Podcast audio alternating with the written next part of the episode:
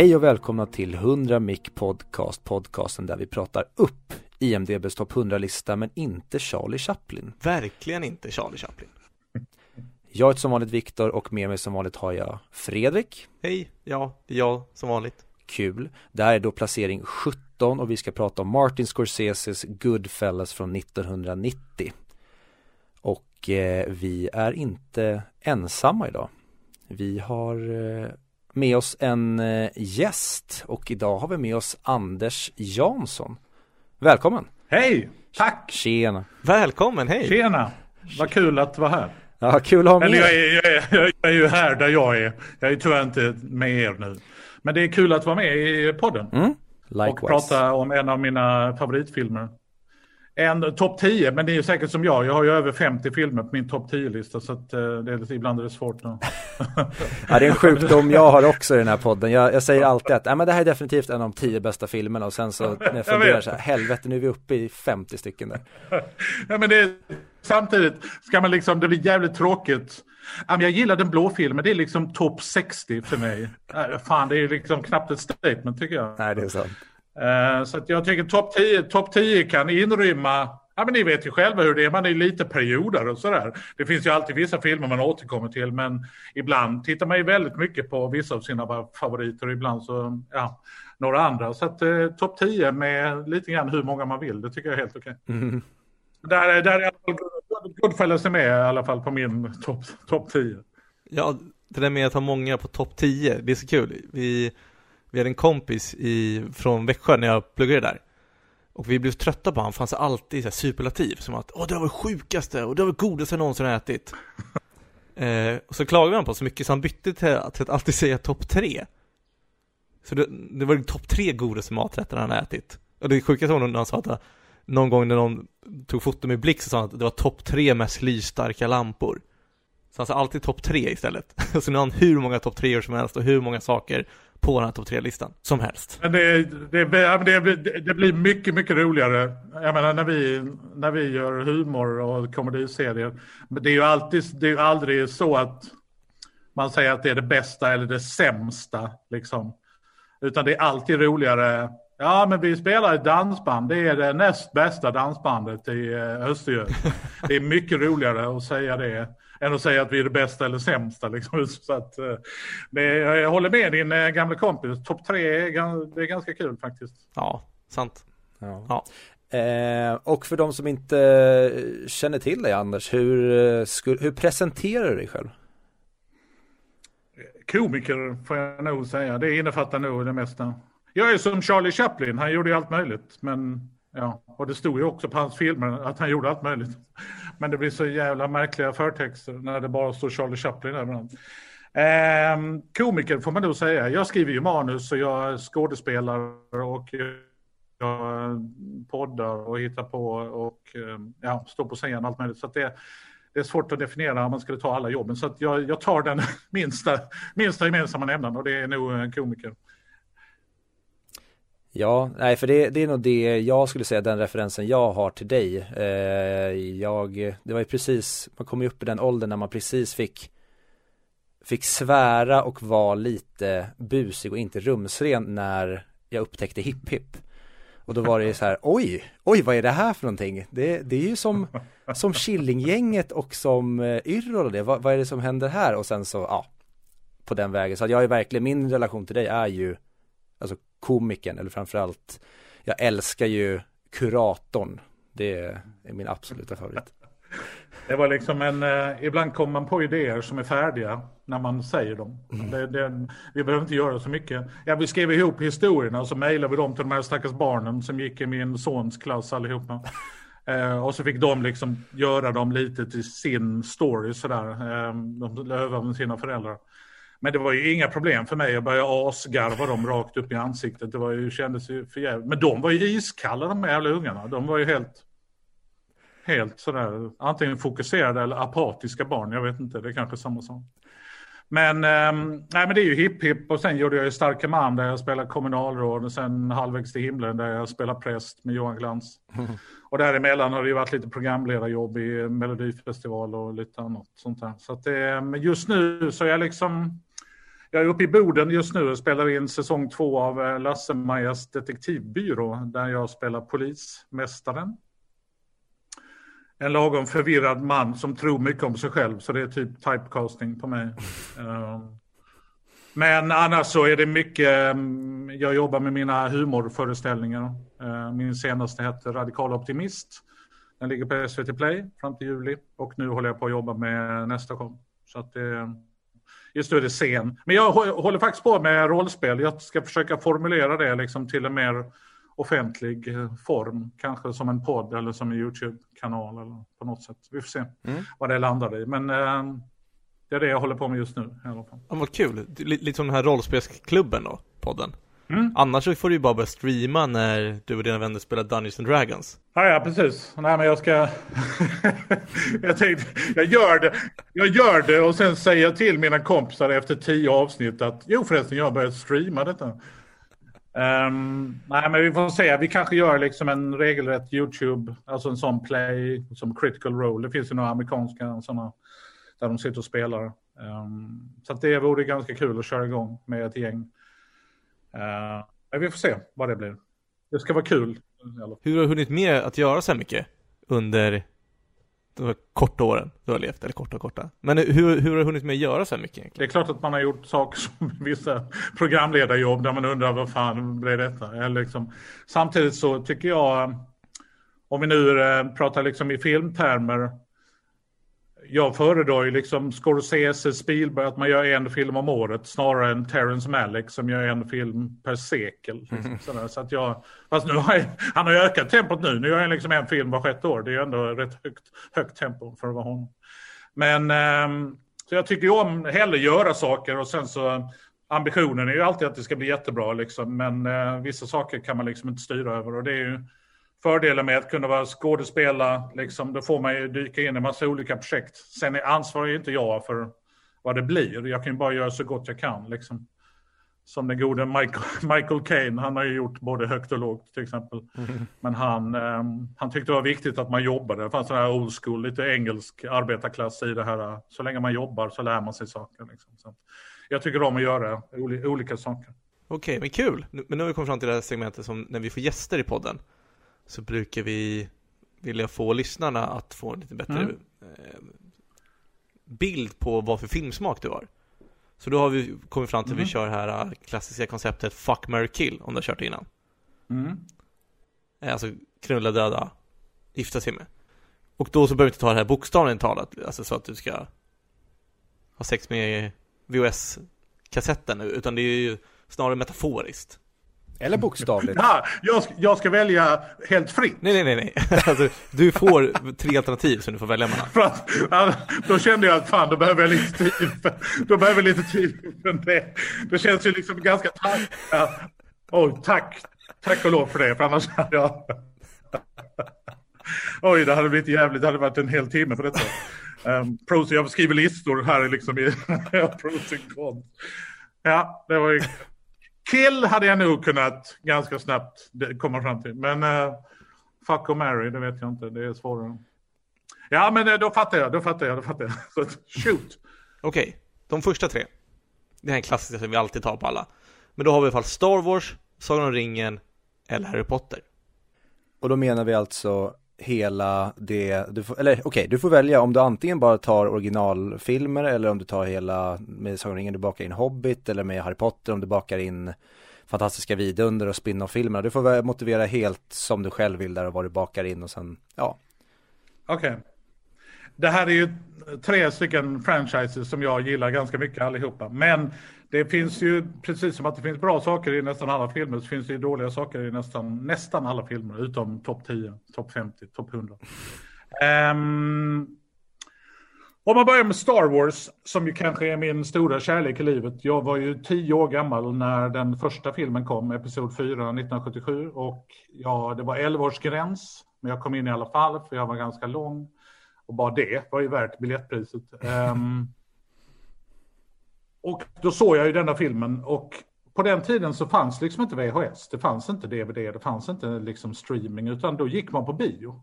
Och dessutom så fanns ju inte internet så man visste ju vad fan är detta för något som kommer nu, Star Wars. Jag hade cool affisch liksom, det var ungefär det man gick på. Um, men den filmen förändrar ju liksom hela mig och hela mitt, eller liksom det blev liksom bara en sån här pivot-grej i hela min attityd till att göra saker på något sätt. Och sen till detta hör en ganska känslomässig grej. Min pappa dog när jag var sju, så när jag såg det här med Obi-Wan, att liksom det var ganska, det träffade mig ganska rakt in i hjärtat på något sätt. Så den, den filmen har jag liksom burit med mig under hela mitt liv. Um, och sen när man såg Empire Strikes Back och vi fick reda på att det är okej okay att spoila i detta programmet, antar jag. det är en film okay. som ändå har några Ja, va? Eh, det är roligt. Det finns faktiskt människor som inte har sett Star Wars. Alltså det här är, det är nästan, jag tror det finns en podd som heter det. Alltså där man pratar med en människa som inte har sett Star Wars och som får titta på den en gång. Och sen pratar man om eh, vad de har för frågor. Oh. Um, ja, verkligen, verkligen. Mycket roligt. Um, Empire Strikes Back, när den slutade, jag kommer ihåg detta, jag och mina kompisar, vi pratade inte. Vi gick ut och satte oss i bussen, pratade inte på hela bussresan. Och så kom man hem och så liksom hela ditt liv har vänts upp och ner. Han kan ju för fan inte vara Luke Skywalkers farsa. Vad är detta? Alltså verkligen, verkligen. Det var, det var helt, man var helt tagen. Och sen det roliga med Return of the Jedi, där kände jag att det, det var den första Star Wars-filmen som jag kom ut och jag tyckte att Ewokerna var lite, Nö, jag vet inte, lite, ja, inte töntiga, men det var lite, ja. Så det, och det var ganska jobbigt att känna så. För att, att, när man har liksom en film eller två filmer som man hyllar så oerhört mycket så är det ganska jobbigt att kritisera. Så att jag, vad gäller Star Wars så försöker jag ju liksom hylla allting. Jag försöker hitta liksom positiva saker med prequels, jag försöker hitta positiva saker med de senaste filmerna också. Um, så Star Wars är nog Mary för mig. Mm, absolut. Jag, jag kan jag eh, köpa det efter den uh, utläggningen ja. faktiskt. För det är liksom hela musiken, John Williams som ju fyller år idag när vi spelar in. Um, det är hela hans musik och hela estetiken och på liksom åldern man var i. Liksom sådär. Så att, eh, de andra filmerna har jag ju varit lite äldre när jag tittar på. Men eh, så det är Mary på eh, Star Wars. Det finns ju saker som jag skulle kunna kill i Star Wars också. Till exempel FIS-skämtet i Phantom Menace inför Podrace så är det ett djur som fiser. Och det har man behållit i filmen. Jag bara liksom, vad är diskussionen i klipprummet? Ja. Och ljudeffekt. Är du, George, är du nöjd med denna fisljudet? Ja, ja, har ni något annat? Ja, ja. Vi har tagit ljud från ett lejon som fiser och så har vi gift det med en ljud från en gammal man som fiser. Då blev det detta. Och sen THX på det. Um, men det, så att det, finns ju, det finns ju element i Star Wars som jag kanske inte gillar eh, lika mycket. Um, detsamma gäller de tre sista. Så, men Mary Star Wars i alla fall. Mm. Fuck, vad fan. Um, ja, det kan ju inte vara Harry Potter. Det känns ju ganska jobbigt att säga att man vill fuck Harry Potter. Med tanke på att det är en skola och jag är ändå 53. Så det, nej, den faller bort. Jag är liksom jämngammal med Gimli kanske. Det är mer på den nivån. Att han och jag. Och i Sagan om ringen det var ju eh, en bok man läste. Jag brukar tänka på i tv-serien Vänner, då frågar Joey vem Gandalf är i något tillfälle. Vem är Gandalf? Och så förklarar de, ah, Gandalf från Lord of the Rings. Didn't you read Lord of the Rings in high school? No, I had sex in high school. Och jag, och jag är liksom mycket mer Ross och Chandler i den uh, diskussionen. så att vi läste Sagan om ringen, jag och mina nördvänner, och så hångla de andra. Um, så att det känns ju, det känns ju, om man nu skulle fuck någonting, det känns som det är mer att välja på. Det är ganska mycket mångfald i Sagan om ringen-världen på något sätt. Där, så det, den får nog... Nu, det jobbiga är att nu har jag ju sparat kill till Harry Potter, vilket ju känns jättejobbigt. Men, uh... Ja, men det kanske är lite pest eller kolera mellan att döda och ligga med Harry Potter. Men det känns ju ja. svårare att säga att man vill ligga Nej, med Harry Potter. Både och kanske. Det är ett enda stort jävla raskrig hela nej, filmen. Ja, verkligen. Nej, men jag måste nog ändå, okej, okay, om man gör så här. Hag, jag känner mig ofta som Hagrid Hagrid och jag, vi är ungefär samma storlek och så många människor jag jobbar med är liksom ganska små. Så att ibland känner jag mig som Hagrid. um, så egentligen kanske man skulle tänka om att man, man var lärare på Hogwarts och kanske hångla med någon i lärarrummet och så fick man se vad det ledde till. Typ något sånt. Det kom in en väldigt lång kvinna i Goblet of Fire som är ansvarig för en av de andra skolorna. Och hon, henne kanske man skulle... Ja men hon och Hagrid, de eh, blir väl ett par? De Ja, har fling i alla fall. Det vet, ja, man vet inte. Man vågar inte visa det. Nej. Men fling, fling får räcka. För det jag kan säga med Sagan om ringen, det, om vi nu kommer till kill, som jag sparar då, det är ju att det finns sekvenser i framförallt The Hobbit som jag inte tycker är jättebra. Ja, eller två. välgjorda. Eller sådär. Ja. Så att det är väl mer Sagan om ringen i sig tycker jag nog mer om på det sättet. Eh, Men The Hobbit-serien skulle jag kanske kunna mörda. Samtidigt att vi får nio timmar Peter Jackson Sagan om ringen till tycker jag ingen bör klaga på på något sätt. Så att det var tre ganska svåra val tyckte jag. Men Mary Star Wars och fuck, inte Harry Potter, men fuck Hagrid då. Ja. Motsvarande. Och sen kill, vad ska vi kill? Jo, enterna i Sagan om de två tornen, de kan vi skära ner med motorsåg tycker jag. Det, jag skippar alltid det. Det gjorde jag även när jag läste boken. Det är ju kanske det tråkigaste partiet i hela den trilogin. Även när de stormar Isengard. Nej, nej, nej, nej, absolut. Det, man hade kunnat, man hade kunnat ta liksom två sekunder av Anton. Alltså han pratar ju så långsamt så att jag känner igen mig i Mary och Pippin där, liksom att kom till skott. Ja. Och typ nu, nu har ni haft ett möte, kanske i två veckor. Ja, nu har vi bara sagt hej, ungefär. Ja, men vad fan, det måste vara lite action. Är, är det inte att. Peter Jackson är den, en av de mest, vad säger man, ondskefulla komikerna där? Att han bara drar ut på skämtet och liksom, han tar jättemycket runtime av den här filmen och sen bara, vi har bara sagt hej, boom, här fick ni, fuck you all. Ja, men jag kan, jag kan tänka mig det. Jag kan tänka mig att det fanns, det fanns kanske ytterligare 20 minuter med Enter, men det var det han tog bort när filmbolaget sa, kan du ta bort 20 minuter? Ja visst, jag tar bort Enterna. Jaha, det märks, det märks inte, har du tagit bort någonting?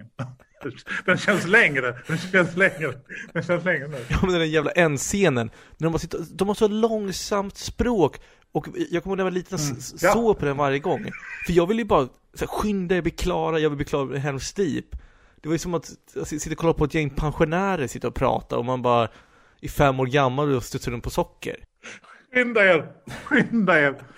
Nej, men det är verkligen, det är verkligen när man ska få in sin farfar in i bilen för att man ska till tåget. Det är den känslan.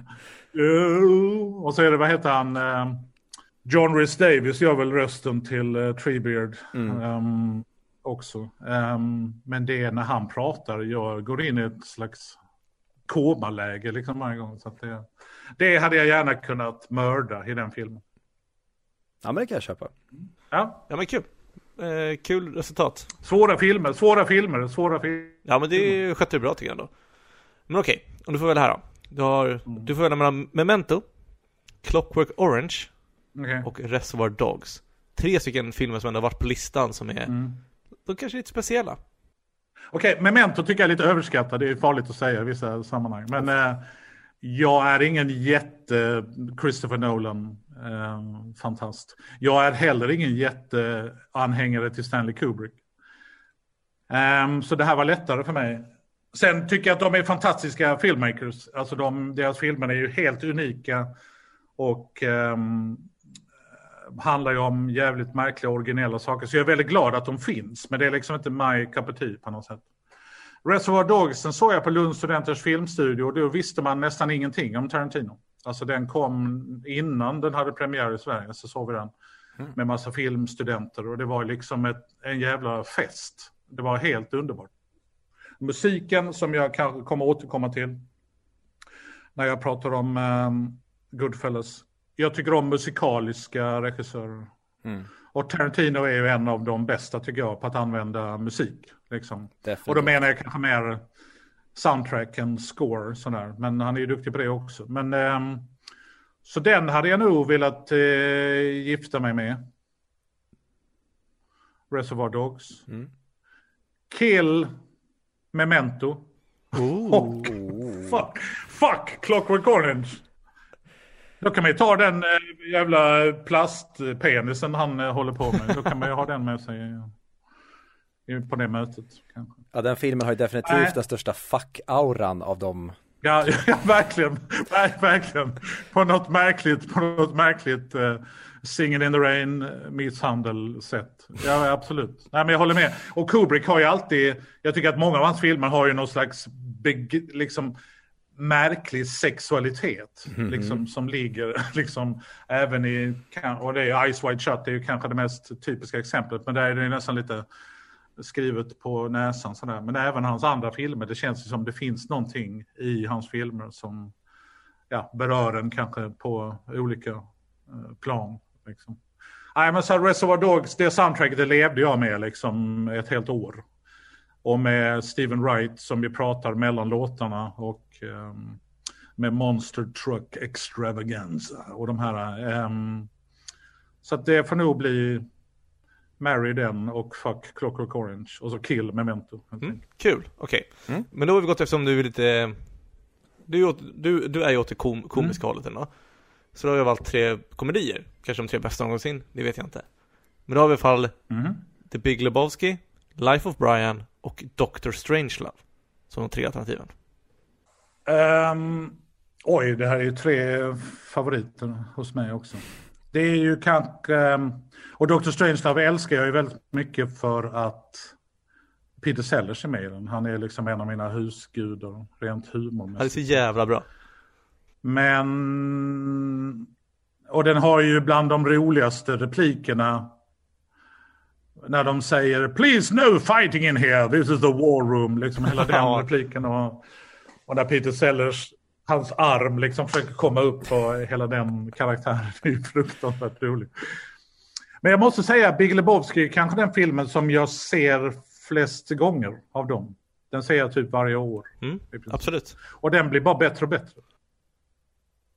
Jag tänkte, liksom, jag tänkte nämna just um, användandet av voiceover i Goodfellas när vi pratar om den. Och där har ju Big Lebowski har ju en av de bästa voiceover-berättarna i Sam Elliot som sitter i baren och pratar om the dude. Hela den. Så att den får jag nog gifta mig med, Big Lebowski. Och sen får jag nog um, fuck eh, Life of Brian. För att den, Monty Python är ett gäng som vi växte upp med, jag och Johan, min kollega. Och deras blandning av um, filosoffotboll mellan Grekland och Tyskland. Och att i nästa sketch slå varandra med fiskar i huvudet. Det är liksom blandningen av det absurda och liksom det ganska intellektuella. Den har alltid tilltalat oss, den lilla mixen. Så att uh, fuck Life of Brian och Mary Big Lebowski och kill Dr. Strangelove tyvärr. Men eh, ja, det är för att det är Kubrick. Tråkigt, för det, det är ju en helt underbar film ändå Det är en fantastisk film. Det är en fantastisk film, men jag, jag har bara sett den sådär tre, tre fyra gånger. Ja, men sen finns det också eh, något vi, vi brukar prata om Det finns ju bra filmer, och sen finns det filmer som man gärna vill se om Det där är ganska roligt. Man kan ju se en bra film. En regissör som jag har lite problem med det är Baz Luhrmann. Ni vet, som gjorde um, Strictly Ballroom och som gjorde... Um, Han Moulin våldtog Rouge. ju eh, Great Gatsby, tyvärr. Ja, jag vet. Sen är jag, eftersom jag spelar Call of Cthulhu så gillar jag ju den tidsepoken så att säga. Men jag håller med dig.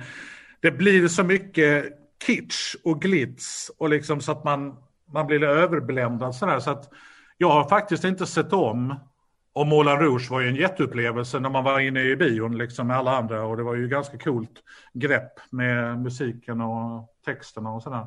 Men det är ingen film som jag har lust att se om så jag, jag förstår precis vad du menar Fredrik. Att man, ja bra men jag kommer nog kanske inte se om den i första taget. Liksom. Ja, sen har ju Monty Python gjort en av mina favoritfilmer som är Search for the Holy Grail, eller Quest for the Holy Grail eh, Som är en het Ja.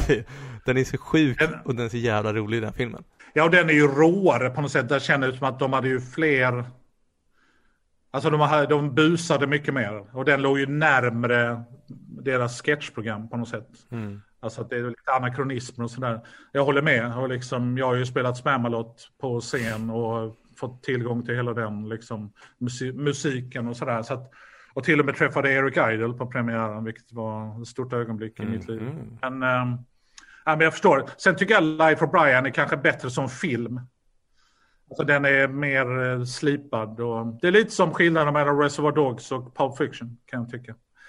Reservoir Dogs känns ur, som en urkraft. Pulp Fiction är ju bättre som film. Beräknad, eller liksom, det känns som den är mer genomtänkt och sådär. Men eh, det är ju säkert en budgetgrej också. Men, eh, ja, men jag förstår vad du menar. Holy Grail har nog fler skratt per minut. Ja, Kan jag tänka mig.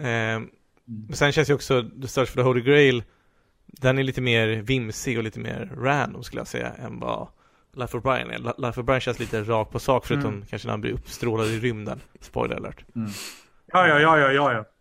Men men, okej. Men om, om vi säger så här, om vi tar tre stycken Om vi tar tre stycken re- regissörer Som du får välja mellan. Och då kan du så här, antingen ta Alltså regissören men typ, typ deras filmverk Vad de står Mm. för, vad de har gjort Men då har vi i alla fall Denis Villeneuve Tarantino Eller David Fincher Det är tre regissörer som jag är väldigt förtjust i allihopa. Um, Men man börja kan inte med, gifta sig med, börja med det går inte att gifta då. sig med Tarantino. Det går inte att gifta sig med Quentin Tarantino. Det hade varit fruktansvärt antagligen. Så att jag får nog... Och han... ja, Jag vet inte, han är inte riktigt min typ. Sådär. Nej, men så då... Jag får nog säga kill Tarantino helt enkelt. Och det har ingenting med... Men det är mer att hans personlighet kanske är lite yvig på något sätt. Ehm, men Mary Villeneuve, för jag tycker att han, Villeneuve har en jädra känsla för, ehm, vad ska man säga, nyanser och liksom det lilla på något sätt. Och han, han känns inte lika show-offig som de två andra. Mm. Ehm, men David Fincher hade man kanske, om man hade fuckt David Fincher så hade det kanske varit det mest perfekta fucket i ens liv. Rent tekniskt, men eh, känslan kanske inte riktigt är där alltid. Att, eh, han är ju lite som Kubrick, alltså det känns som lite samma skola, Fincher. Mm. Jag älskar, jag älskar David Finchers filmer, jag älskar att titta på dem. För att från ruta ett så känner man sig omhändertagen som publik. Liksom. Man vet, det här, det här är människor som vet vad de gör. Sen kanske jag inte jag gillar alla filmer lika mycket, men Seven är ju en av mina absoluta favoritfilmer. Liksom. Så att det är nog fuck Fincher, kill Tarantino och gifta mig med Villeneuve. Spännande eh, Men Viktor, hade du valt samma Mm. sak? Eller håller du med i, i den här svaren? Nej, men jag, eh, jag håller verkligen med om det du sa där om eh, Villeneuve, just det här med att han inte Det var väl, väldigt så här, sätta fingret på en grej jag funderat på men jag inte riktigt kunnat uttrycka det, just det här med att han är inte så show-offig Att han han, det känns verkligen som Mm. att han gör allting som är det bästa för filmen. Han slänger inte på massa paletter och skit om det verkligen inte är till filmens fördel. Det har ingenting, Tarantino vet man ju ibland, där hör man ju bara att skådisarna de läser Tarantinos självälskande repliker bara för att han är så jävla, han tycker att han är så briljant på att skriva dialog. Men just det att Denis Villeneuve, han känns verkligen som att han plockar bort sitt ego helt och hållet och bara kollar på hur gör vi den bästa filmen till 100%. Ja, men jag tycker det. Och jag, jag menar de filmerna som ja, Sicario, men jag såg faktiskt ganska nyligen, för någon månad sedan eller en och en halv, så såg jag Prisoners med Hugh Jackman och Jake Gyllenhaal när det är två tjejer som försvinner. kidnappade. Oh, fantastisk film Och den, den tog mig, och det är kanske en sån film som jag kanske aldrig kommer sång, för att den var så jävla obehaglig liksom i hela sin, men den är så otroligt lågmäld liksom i hur den presenterar information och ja, jag tycker han är, man blir ju så lycklig när han skulle ta hand om Dune och så nu Så vi får väl hoppas att vi kan se den på IMAX någon gång. Man får väl hålla sig helt enkelt tills eh, det är möjligt. Ja. Ehm, men han är, ja, jag tycker han är en... eh, man fattar varför de valde honom till Blade Runner. För att han har liksom... Ridley Scott är ju någon slags blandning av Villeneuve och Fincher. Ridley Scott är liksom den... super, han är ju som en konstnär. Han är mer som en renässanskonstnär. Liksom. Det är kanske inte tekniskt sett briljant alltid. Hela hans framing och komposition andas så mycket liv. Det känns som att det finns ett, jag vet inte, varenda bild är som en tavla på Louvren. Sådär. Fincher blir man ju så impad av, liksom, av det rent tekniska kunnandet och liksom val av linser eller om man ska göra hommager eller liksom ett visst stuk och sådär. Jag vet inte om ni har sett Mank på Netflix. Mm. Den var ju bra tyckte jag, men om man inte är filmnörd sådär så, nej, jag vet inte, så kändes den ju liksom inte särskilt märkvärdig. Sen är Gary Oldman och Fincher och liksom, det var ju duktiga skådisar, men, men fotot i den var ju helt fantastiskt. Men vet man Citizen Kane och vet man storyn kring Hearst och Mankiewicz och hela dem, så blir det ju såklart en annan upplevelse. Men, eh, nej, men jag måste säga Villeneuve, han har verkligen seglat upp på en eh, ganska hög nivå liksom bland dagens regissörer tycker jag. Mm, nej, jag håller verkligen med. Jag tycker, som du sa just med Blade Runner, att jag är så otroligt glad att Ridley Scott inte gjorde den, för det tycker jag också är en liten, med Peter Jackson Hobbit-grej där att det känns som att han ibland, och så som han gjorde med, jag tycker Prometheus den har sina bitar, men verkligen som man ser i Alien Covenant, där var det så här, Ridley, du har ju noll intresse av det här.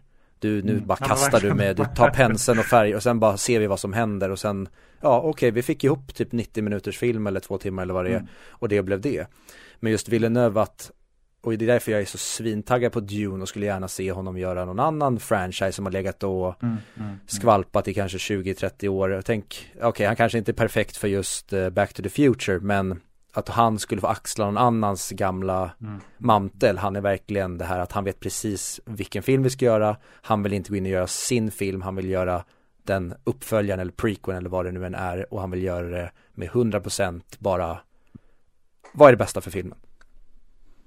Men han känns också som en regissör som har liksom 50% Europa. Jag vet inte var han kommer från, Kanada eller Frankrike. Men det finns ju en berömd Formel 1-förare som kommer från Kanada som heter Villeneuve. Men det känns som att han har liksom 50% europeisk sensibilitet och 50% amerikansk sensibilitet. Och han har lyckats gifta ihop dem på ett ganska häftigt sätt. Lite som Hitchcock kunde göra i sina bästa stunder. Alltså att han, man kände att han kom från England för det fanns ett sätt att berätta saker. Men han lyckades ändå få in den amerikanska Cary Grant eller Jimmy Stewart och de här stora stjärnorna. Och göra någonting coolt och liksom visuellt sådär. Så att eh, det, nej, Villeneuve är verkligen ett eh, namn att hålla ögonen på tycker jag. Ja, och jag, har du en, en av hans tidigare filmer eller en av hans filmer som jag tror att var den som fick honom att verkligen breaka stort, Enemy med Jake Gyllenhaal, har du sett den? Nej, den har jag inte sett. Den Shit, borde du se, den, det är en väldigt, alltså på många sätt väldigt artsy film och den egentligen ställer bara en, en sjuhelvetes massa frågor men den är gorgeous, han är verkligen där, visar vilken mästare han är på tempo och stämning. Men även filmen han gjorde innan den, En Sandis tror jag den uttalas på franska. Där ser man att han kommer från någon slags filmskolehåll där han verkligen har bara kärlek till konsten och sen blev jag så glad när han sen fick de här blockbusterpengarna och bara förvaltade det som att men, allt han behövde var en jättestor orkester och sen kan han spela vilken jävla musik som helst. Till skillnad från många andra som man bara, åh det här är en grym indie-regissör. Ge honom mycket pengar, sätt honom i en franchise och sen så blir det bara pannkaka. Jag är så glad att vi har honom som inte skämmer ut sig så. Ja, men det där är ju säkert ett ehm, svårt val om man nu liksom har en hög integritet som regissör från Mexiko eller Frankrike eller var man nu kommer ifrån och så blir man erbjuden liksom en, en stor film utan att man själv kanske har förankrat sig i fem, sex filmer och byggt upp liksom någon slags att gå för tidigt sådär känns ju kanske inte så klokt. Liksom. Men de är ju ändå ett gäng som har Guillermo del Toro har ju ganska en tydlig stil liksom som han har odlat. Eh, och även i Naruto och de här eh, Bayona som nu gör Sagan om ringen på Amazon Prime. Han är ju också en, jag menar när man har sett Barnhemmet, eh, vad heter den, Orf, och, ja, The Orphanage, den spanska skräckfilmen. Den är ju fruktansvärt läskig. och man känner att han har med sig det i film som Monster Calls och även i Jurassic Park Fallen Kingdom så känner man ju att han har skräcken med sig. Liksom, den här. Han regisserar ju även de första avsnittet av Penny Dreadful, tv-serien på HBO. Så att det finns ju liksom några sådana som har tagit det där klivet, precis som du säger, och hamnat ganska rätt. Men det krävs ju inte mer för en flopp att, eh, att man blir kall igen antagligen. Nej det är, Men, det är eh, men. Dune, Dune, eh, trailern till Dune var ju verkligen... Och det var också en bok man läste, som jag läste liksom i gymnasiet. Och en ganska tung, på, på samma sätt som Sagan om ringen, en ganska tung science fiction-bok. Sådär. Den mm. bygger verkligen upp en värld. Och när man såg trailern till den filmen så kände man ja, yes, yes, yes. Det här och castingen liksom. Den ena efter den andra skådisen som man gillar liksom. Så att, uh, jag hoppas vi får se den på stor duk i alla fall. Ja, nej det är verkligen någonting som, var, det är nästan som att hela månaden har förstörts nu när de har skjutit upp den gång på gång och så har man känt att mm. Jaha, om ni nu ändå planerar att släppa på den jävla streamingtjänst, kunde ni inte gjort det från början då? När ni förstod mm. att bion var en omöjlighet. Nu sitter ni bara och, mm. det känns som att de jävlas med hela filmvärlden.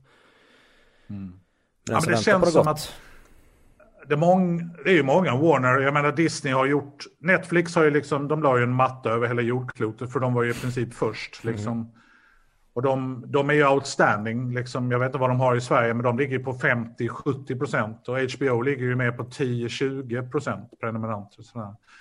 Eh, men sen Disney slog ju till på ett härligt sätt liksom, och gjorde en jävligt smart sak. Att eh, de höll ju på mycket av sina grejer mm. eh, i, till de andra kanalerna för att de visste väl att nej, men det är nog bättre att vi har ju ett av världens starkaste varumärken så att kan vi få eh, åttaåringarna att bestämma vilken streaming de ska ha hemma.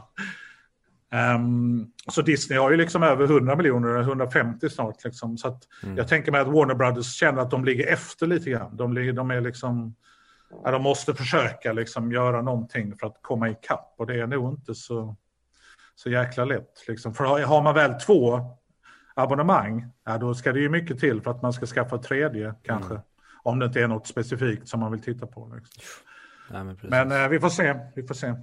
Ja, nej, verkligen. Det är, jag är just Warner, alltså de har alltid varit en favorit hos mig. Mm, eh, samma här. Men det känns som att de nu, och framförallt det här hela DCU eh, debaclet vad de, att det känns som att de har försökt, jag, jag vet inte riktigt, man orkar inte ens gå in på det vad de har hållit på med med sitt universumbyggande men just nu som du säger, säger med Dune att om den paketeras fel nu och potentiellt skulle bli en finansiär flopp det, mm. det ser riktigt, riktigt risigt ut för dem i och med att Tenet inte blev någon, liksom, vad säger mm. man, biohöja utan den, den hjälpte nästan till bara att stänga bion här, mm. att inte ens Christopher Nolan kunde dra den stora publiken i pandemitider. Så det, det, ska bli jättespännande och lite läskigt att se vad som händer med Dune-lanseringen. Ja, och Villeneuve vill ju göra Nej, inte bara en film. Man vill ju göra två, kanske tre filmer av Dune. Men nu blir det väl kanske bara en. Om, för det finns ingen chans att få in de pengarna alltså, på detta sättet. Liksom. Nej. Um, men eh, ja, som sagt, vi får ju se. Problemet som DC gjorde, de halkar ju också efter. Jag menar när Marvel, Marvel har liksom tio filmer på att bygga upp sina karaktärer. Liksom sådär. Mm. Jag vet inte hur många filmer de gjorde innan även första Avengers kom, men då kände man ju aldrig som var med i Avengers. Liksom man hade sett Tour, man hade sett Iron Man och Captain America. Mm. Och då ville man ju se när de jobbade ihop, liksom, precis som de tidningarna som kom när det var crossovers. Um, och Järven hälsade på i Spiderman och tvärtom. Och sådär. Men DC kände sig nog lite stressade. De hade ju Batman som alltid har gått jättebra och som kanske är deras starkaste property egentligen, sådär liksom i coolhetsfaktor. Men jag tycker aldrig de har lyckats med Superman sen eh, Richard Donners version. Den tycker jag är faktiskt jävligt bra fortfarande. Den har mycket hjärta och mycket humor. Liksom. Men eh, vi får se helt enkelt. Man får ju hoppas. Och så kommer Zack Snyder med sin åtta timmars eh, klippning. Och, liksom, jag, jag måste ärligt säga, jag minns fan inte vad Justice League handlar om. Alltså jag har glömt, alltså den jag vet fan inte vad den handlar om. Ja, inte jag heller. Det, jag minns bara att det är bland det sämsta man har gjort för den pengen. Alltså det är verkligen så här, det, jag minns bara att det var en soppa, den var ful trots att det var liksom mm. jättemycket pengar på effekter och det och så har man ju Det känns som att det enda folk pratar om efter den det är ju Henry Cavills eh, retuscherade mustasch. Nej, jag fattar inte hur det går att göra det så dåligt. Det var ju, det var ju många människor som liksom skickade in sina egna jag har detta, denna kostar 9,99 på App Store. Jag har gjort detta bättre än vad ni gjorde. Ja. Alltså titta här på liksom, jag har ett effektprogram. Jag har gjort detta bättre än vad ni gjorde. Det är, alltså det, det är under all kritik verkligen. Nej, det är hela det jävla debaclet. Mm. Men jag, jag älskar Batman. Han är liksom topp tre, Fredrik. Han är topp tre superhjältar hos mig. Så att jag Även om jag är en Marvel, jag läste väldigt mycket serier när jag var liten och Marvel var ju mina favoriter på något sätt. Men Batman läste, Läderlappen hette han ju på den tiden. Eh, honom läste man ju ganska mycket också. Superman har jag aldrig gått igång på jättemycket. Men Wonder Woman var ju skitbra, den första filmen. Eh, den andra har jag inte hunnit se, men de är ju någonting, ger de det till rätt människor. Det ska bli kul att se Suicide Squad nu med av James Gunn, tycker ja, jag. verkligen. Och se vad han kan göra liksom. Men... Ja men verkligen, för det känns ju som att DC valde verkligen fel väg att gå. Men alltså, medan Marvel gick åt det ljus och roliga hållet med lite coola actionscener, så körde de bara på med mörker Nej. och seriositet. Och det tror jag inte bara blev bra. Men sen tycker jag liksom att det genialiska som Marvel gjorde, det var att ta regissörer som har gjort komedier. Jag menar bröderna Russo gjorde ju, uh, vad heter den? Community. Community. Och kom ju liksom från ett humorhåll och John Favreau har gjort mycket komedier. Liksom, han gjorde ju inte Swingers men han var ju med i det gänget och har liksom gjort lite sådär åt det hållet åtminstone. För att man vet ju om, fixar vi humorn liksom, sen kan vi alltid göra det andra, att det blir skitcoolt. Vi har regissörer och duktiga människor på ILM eller vad man nu Um, men om man liksom har ganska humor. Man brukar ju säga att Marvel har bättre superhjältar men DC har bättre bovar. Liksom. Och, och Batman framför allt. Han har ju liksom sex, sju stycken jävligt bra bovar. Mm. Men det, då, då blir man också så... Eh, kommer liksom underfund med, men, men varför ska ni ta liksom en sån här utomjordig som ni inte ens fixar CGI, Justice League. Oh, ja men ni vet, eh, nej jag vet inte. Det, de, de har tänkt lite fel, liksom, tyvärr. Ja. Men vi får se, det blir kul att se, vad heter han, um, Robert Pattinson i den nya Batman. Mm. Ja, verkligen. Jag har bara sett trailern mm. till den och där, den verkar jävligt ball. Ja, jag gillar uh, Matt Reeves, jag gillar hans uh, Apornas planetfilmer. Så det, det ska bli Samma kul, jag tycker det är en kompetent uh, regissör och uh, ja, får de till Det tyckte jag även med Ben Afflecks Batman att Batman har sån jäkla bra, alltså bara man läser upp honom Alltså bara honom på papper mm. är så jäkla bra så att går du inte helt åt helvete och gör en liksom George Clooney Joel mm. Schumacher Batman, då så kan Batman bli ganska, alltså lägsta nivån kan bli ganska okej okay, och där finns det ganska mycket att bygga på. Det tyckte jag man gjorde med Batman, eller Ben Afflecks Batman, att han var mm. ändå någon slags, i både Batman vs Superman och Justice League, att där var det typ han som funkade bäst tycker jag. Mm, eh, så där, där kan det bli kul att se vad de gör med Pattinson. Verkligen. Yes, men eh, från en eh, en outlaw eh, får man ändå kalla honom för, en vigilante till en annan så ska vi nu prata om eh, historien om Henry Hill och eh, hans polare i Goodfellas.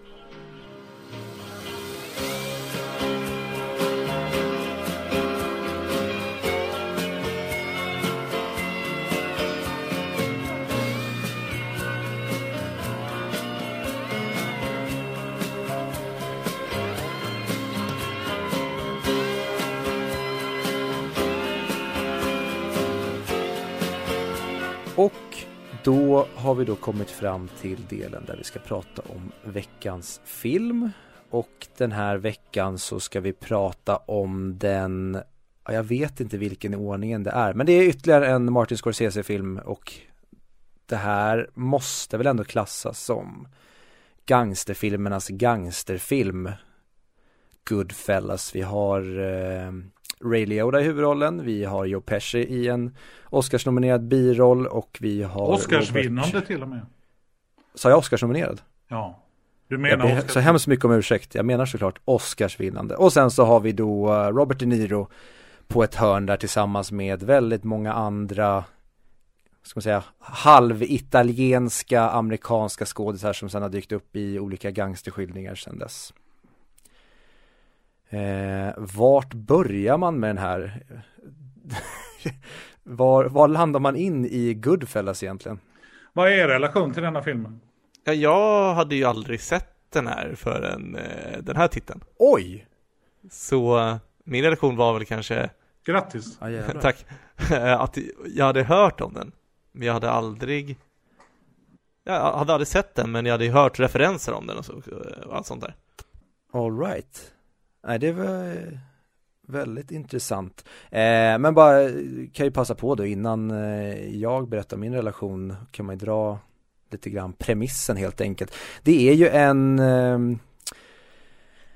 det är också svårt att säga. Det, det har blivit en liksom klassisk Scorsese-berättarteknik där man egentligen får följa en persons uppväxt, hans drömmar och mål, hur han risar, hur han fallar och sen så blir det någon slags epilog där han antingen dör, hamnar på kåken, vittnesskydd eller blir föreläsare eller vad det nu än är. Det är en klassisk berättelse om en karaktärs liv och i den här då så råkar det just vara om då gangsten Henry Hill som eh, härjade på, jag kommer inte ihåg när det var han härjade men det slutade ju som för er som har sett filmen med att han då golade på alla polare, hoppade in i vittnesskydd och eh, sen så eh, på ålderns höst så fick han komma ut i rampljuset igen och eh, ja, fortsatte knarka, han gjorde olika dokumentärer, berättade om sitt liv, det blev en bok och sen så tjänade han massa pengar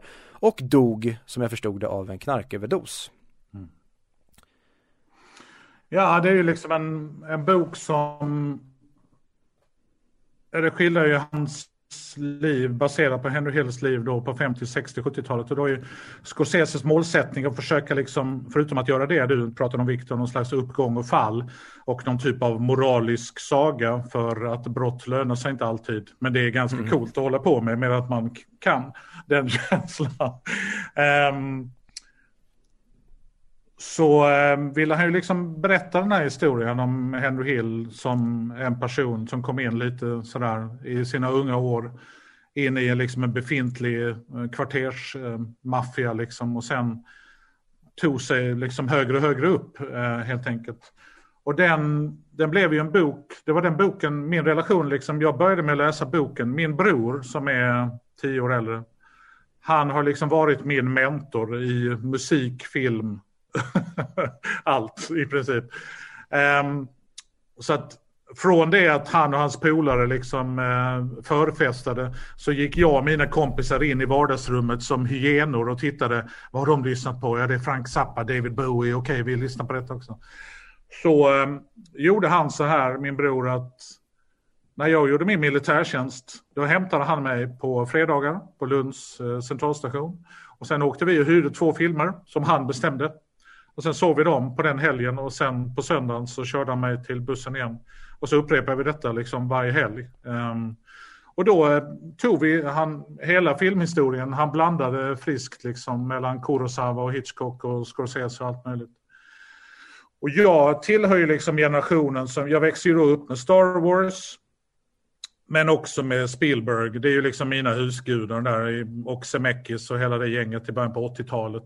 Då kom ju liksom alla de filmerna. Raiders of Lost Ark, Star Wars, Empire Strikes Back och The Thing av John Carpenter som är en stor favorit hos mig. Och, liksom, och Blade Runner kom 82 också. Um, så att min relation liksom till Martin Scorsese, den, den kom liksom via min bror som tyckte att ja, vi kanske ska se Taxi Driver. Ja, fan det låter inte så jävla intressant.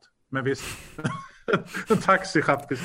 Och den, den filmen träffade ju liksom ganska, vad fan är detta för jävla film? Liksom hela voiceovern även där, hur han använder liksom berättaren och Travis sitter och berättar. Så att jag, och sen såg vi Raging Bull och liksom såg även de här tidigare Alice doesn't live here anymore och liksom började se ganska mycket och Mean Streets och hela de så att Scorsese har ju liksom gått och blivit en av mina, kanske min på delad första plats med Steven Spielberg, eh, favoritregissörer.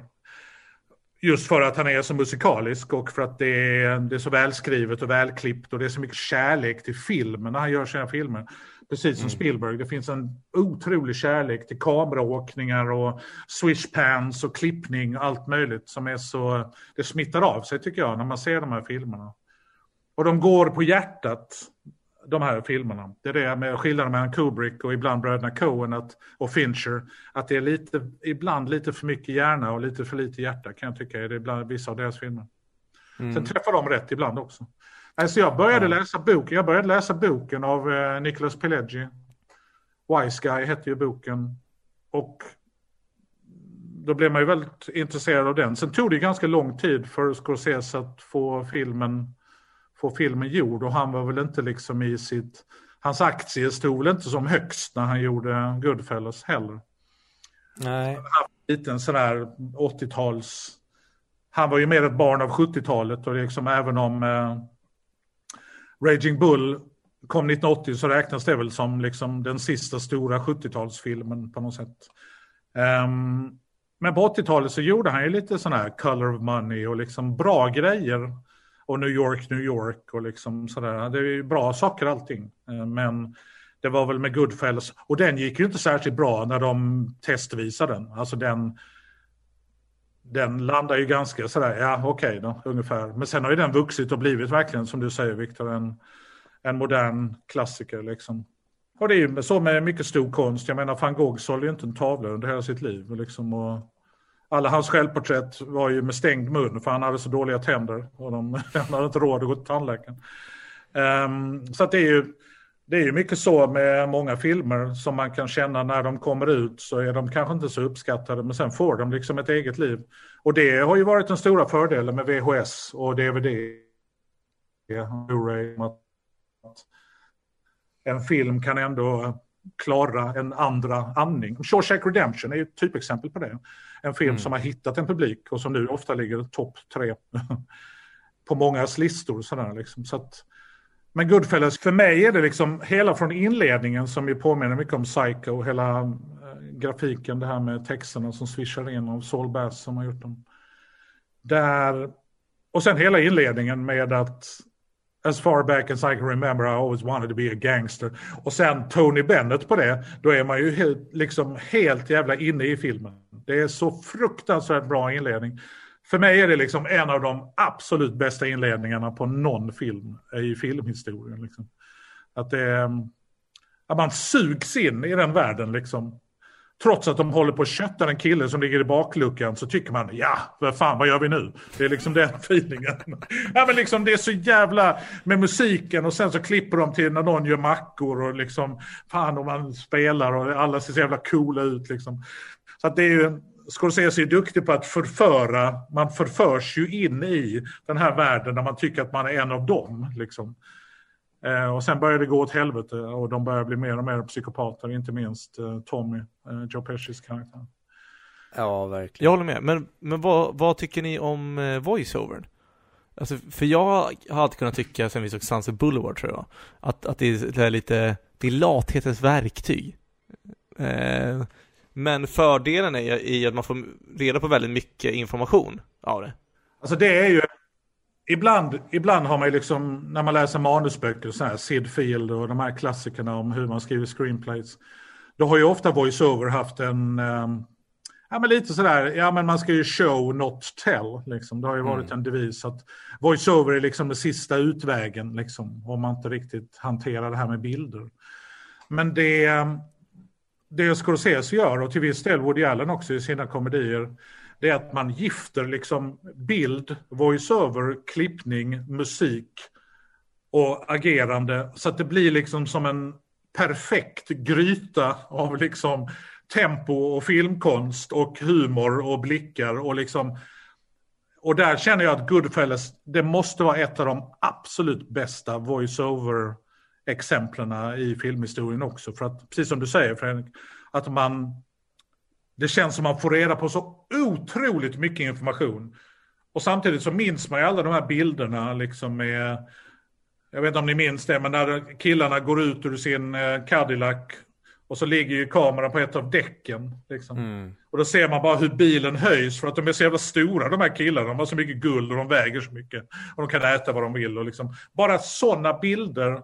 Och när han gömmer korset när hennes mamma kommer och säger liksom, eh, jag är, mamma, min mamma är Jewish liksom. Och, och när de springer till telefonkiosken med paraplyet och ska ta samtalet för att Paul inte vill, han vill inte prata med någon utan de måste sköta liksom. Det är så många, och hela still, att använda sig av stillbilder. Lite som Steven Soderbergh också har gjort ganska mycket. När han blir, när hans pappa slår honom med bältet liksom så fryser han ju bältet. Alltså pappa gillade inte att jag hängde med de här, att jag tjänar pengar. Och så fryser de i bilden precis i det läget. Men sen så säger ju bara Ray Liotta, well, I figure everyone takes a beating sometime. Den, Jaha. och det är bara helt tyst där. Det finns ingen musik. Det är liksom, och sen är de igång med nästa. Så att jag, det som jag liksom älskar med film överhuvudtaget, och det gör ju ni också, ni vet när allting bara stämmer. När all musiken, klippning, bildval, åkningar, skådespeleri, när allting bara kommer i, samman liksom till en perfekt scen eller en mm. perfekt film. Det finns ju inget som är bättre än det. Alltså det är den upplevelsen, är man dessutom i en biosalong. Mm, det, går ju, det är svårt att liksom replikera den feelingen. Och där, det finns så många sådana scener i Goodfellas där man verkligen Nej, det, är bara, det är bara så jävla välgjort alltihopa. Och smart och genomtänkt, men ändå väldigt mycket hjärta. Väldigt mycket tomatsås och vitlök skuret med rakblad. Det är liksom den feelingen eh, som är total, liksom, tycker jag. Så att det, eh, det här är en film som jag ser minst en gång varje år. Liksom. Bara för att, nej, bara, och ser den på tv, ni vet, om man hamnar på en film, eh, när man tittar på tv, så finns det vissa filmer som man inte kan stänga av. Nej, jag mm. måste, jag måste se färdigt. Men Jason Bourne, Jason Bourne till exempel. Han är mitt i Bourne Ultimatum så måste jag se färdigt. Även om jag sett filmen säkert 50 gånger. Liksom, så känner man, nej, men jag vill ändå se färdigt. Det är en timme kvar, det här är så bra det som kommer nu. Liksom, och där är det verkligen Goodfellas. Den är liksom en sån där klassiker för mig som jag vill återvända till. För att man ser ju nya saker hela tiden för varje år man åldras eller för varje erfarenhet man får, liksom, ehm, för varje förhållande som bryts eller blir någonting av, så ser man ju filmer på ett nytt sätt varje gång, helt enkelt. 100 procent. Jag, jag håller verkligen med allt det du säger och det som jag verkligen kan tycka har blivit jag har alltid tyckt om Scorsese men det som jag tänkte på nu när jag såg den här det var att den här filmen har egentligen så snuskigt mycket fett som de hade kunnat skära bort. Men i och med att Scorsese är en sån fruktansvärt bra berättare så gör han allt onödigt som egentligen bara blir show-off det gör han till filmhistoria. Att mm. alla den, här övervåldsgrejerna och vissa avstickare och spår och grejer som de tar, de hade säkert kunnat få ner den här filmen till en och en halv timme om de skulle sätta den i en mindre kompetent regissörs händer och bara, nu ska vi berätta storyn om Henry Hill här och sen får de andra med på en sida. Men han gör det här till någon, nästan till en episk berättelse. Den är så himla snabb, så himla rapp, så matad med så mycket twists and turns och det handlar om helt plötsligt så fokuserar på Tom ett tag, sen fokuserar på Karen ett tag och, och det är bara så här, det blir aldrig tråkigt och som du säger, han vet precis vad han gör i varenda liten sekund med musik, paus, tystnad, boom. Det är som att han, han regisserar den här drama musikvideon med dialog som ibland Tarantino mm tror att han klarar, äh, det bara, åh, är det Ja, ja. Åh, ja, det är helt eh, sagolikt verkligen att titta på. Och musiken hade han ju valt ganska tidigt. Han har ju valt musiken alltså flera, flera år innan de liksom började med själva filmen. Han visste ju, han har ju säkert en music supervisor precis som Tarantino, hon den här kvinnan som matar honom med massa coola 70-tals tracks.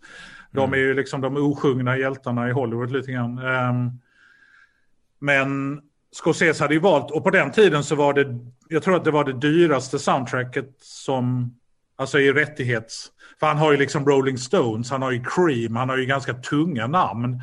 Liksom, mm. Som man ändå, ja men bara 30 sekunder, jo men jag ska ha de 30 sekunderna så det får liksom kosta vad det kosta vill. Och det, det är också ganska häftigt hur man, och de spelar ju även, eh, jag vet inte om ni kommer, ni kommer ihåg montaget efter den här uh, Lufthansa-stöten så säger de ju åt dem, köp ingenting. Inga pälsar, inga ringar, inga bilar. Men de här jävla gangsterna köper ju i alla fall. Så då mm. känner ju liksom Jimmy och dem att, och den inåkningen till Cream, alltså när han står i baren, Robert De Niro.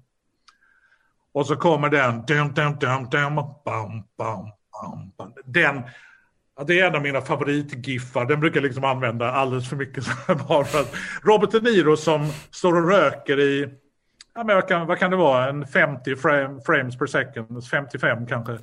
Inte jättemycket slowmo, men ändå en feeling av att han, han står och planerar någonting medan de andra festar. Och den musiken som kommer sen liksom till de här, man hittar de här i kylbilen och liksom den rosa Cadillacen som står med två stycken i som har blivit dödade. Då spelar de ju musiken när de spelade in. Alltså de körde musiken på högtalare liksom bara för att tajma åkningarna.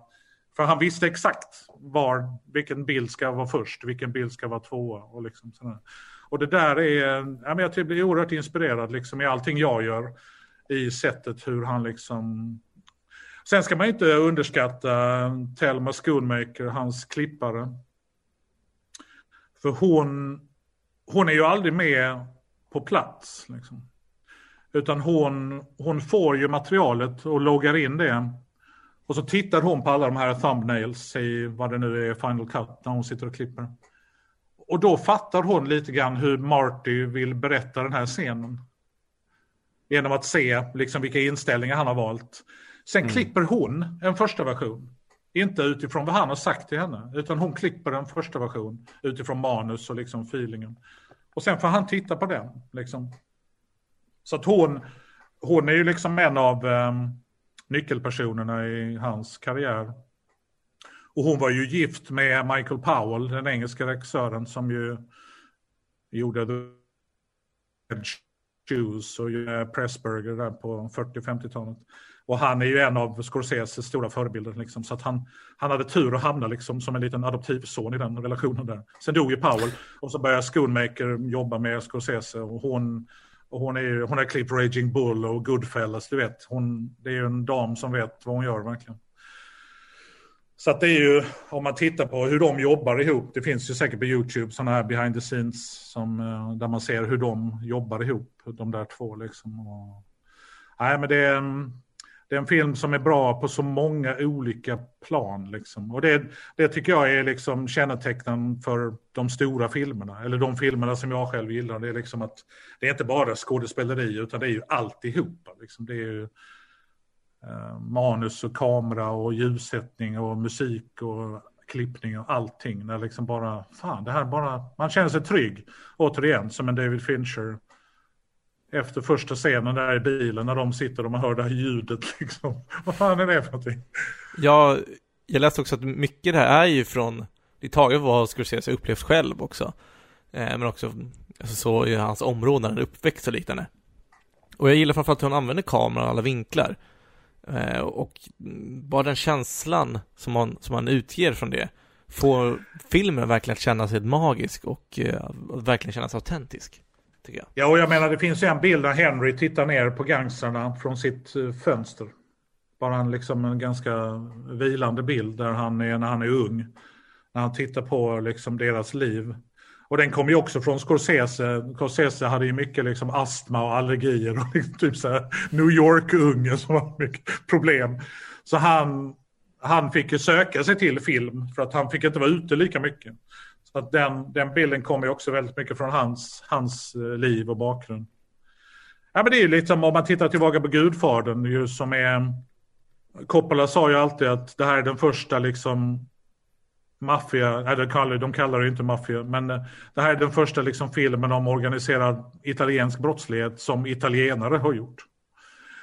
Ehm, um, innan var det ju ganska liksom ja, men judiska manusförfattare och producenter och sådär. Men det var ju när Coppola, nej men jag vill göra en italiensk gangsterfilm. Jag vill regissera denna liksom. Så att det är bättre om jag vill göra denna på mitt sätt. Om min sicilianska liksom, du vet. Sådär. Så att det, ehm, det känns ju samma sak här tycker jag, Scorsese.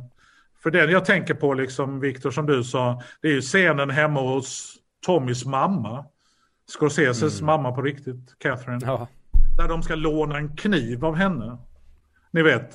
Och, de ja. hon bjuder på lasagne och så håller de upp den här tavlan där de tycker att det liknar ju Billy Bass. Den är ju, precis som du säger Victor, den är ju egentligen helt onödig i liksom för att föra handlingen framåt. Men jävlar vad den säger mycket om den kulturen på något sätt. Mm. Att man sitter och äter mammas pasta samtidigt som man ska ut och stycka någon. Det är liksom den, hur kan man leva i de två världarna samtidigt? Och ändå tycka att det är, ja men det är väl okej. Okay, liksom. Det är ju ja. helt jävla sjukt egentligen. Men man blir ju ändå sugen på pasta när man ser den sen. Det är det som är jobbigt. Ja.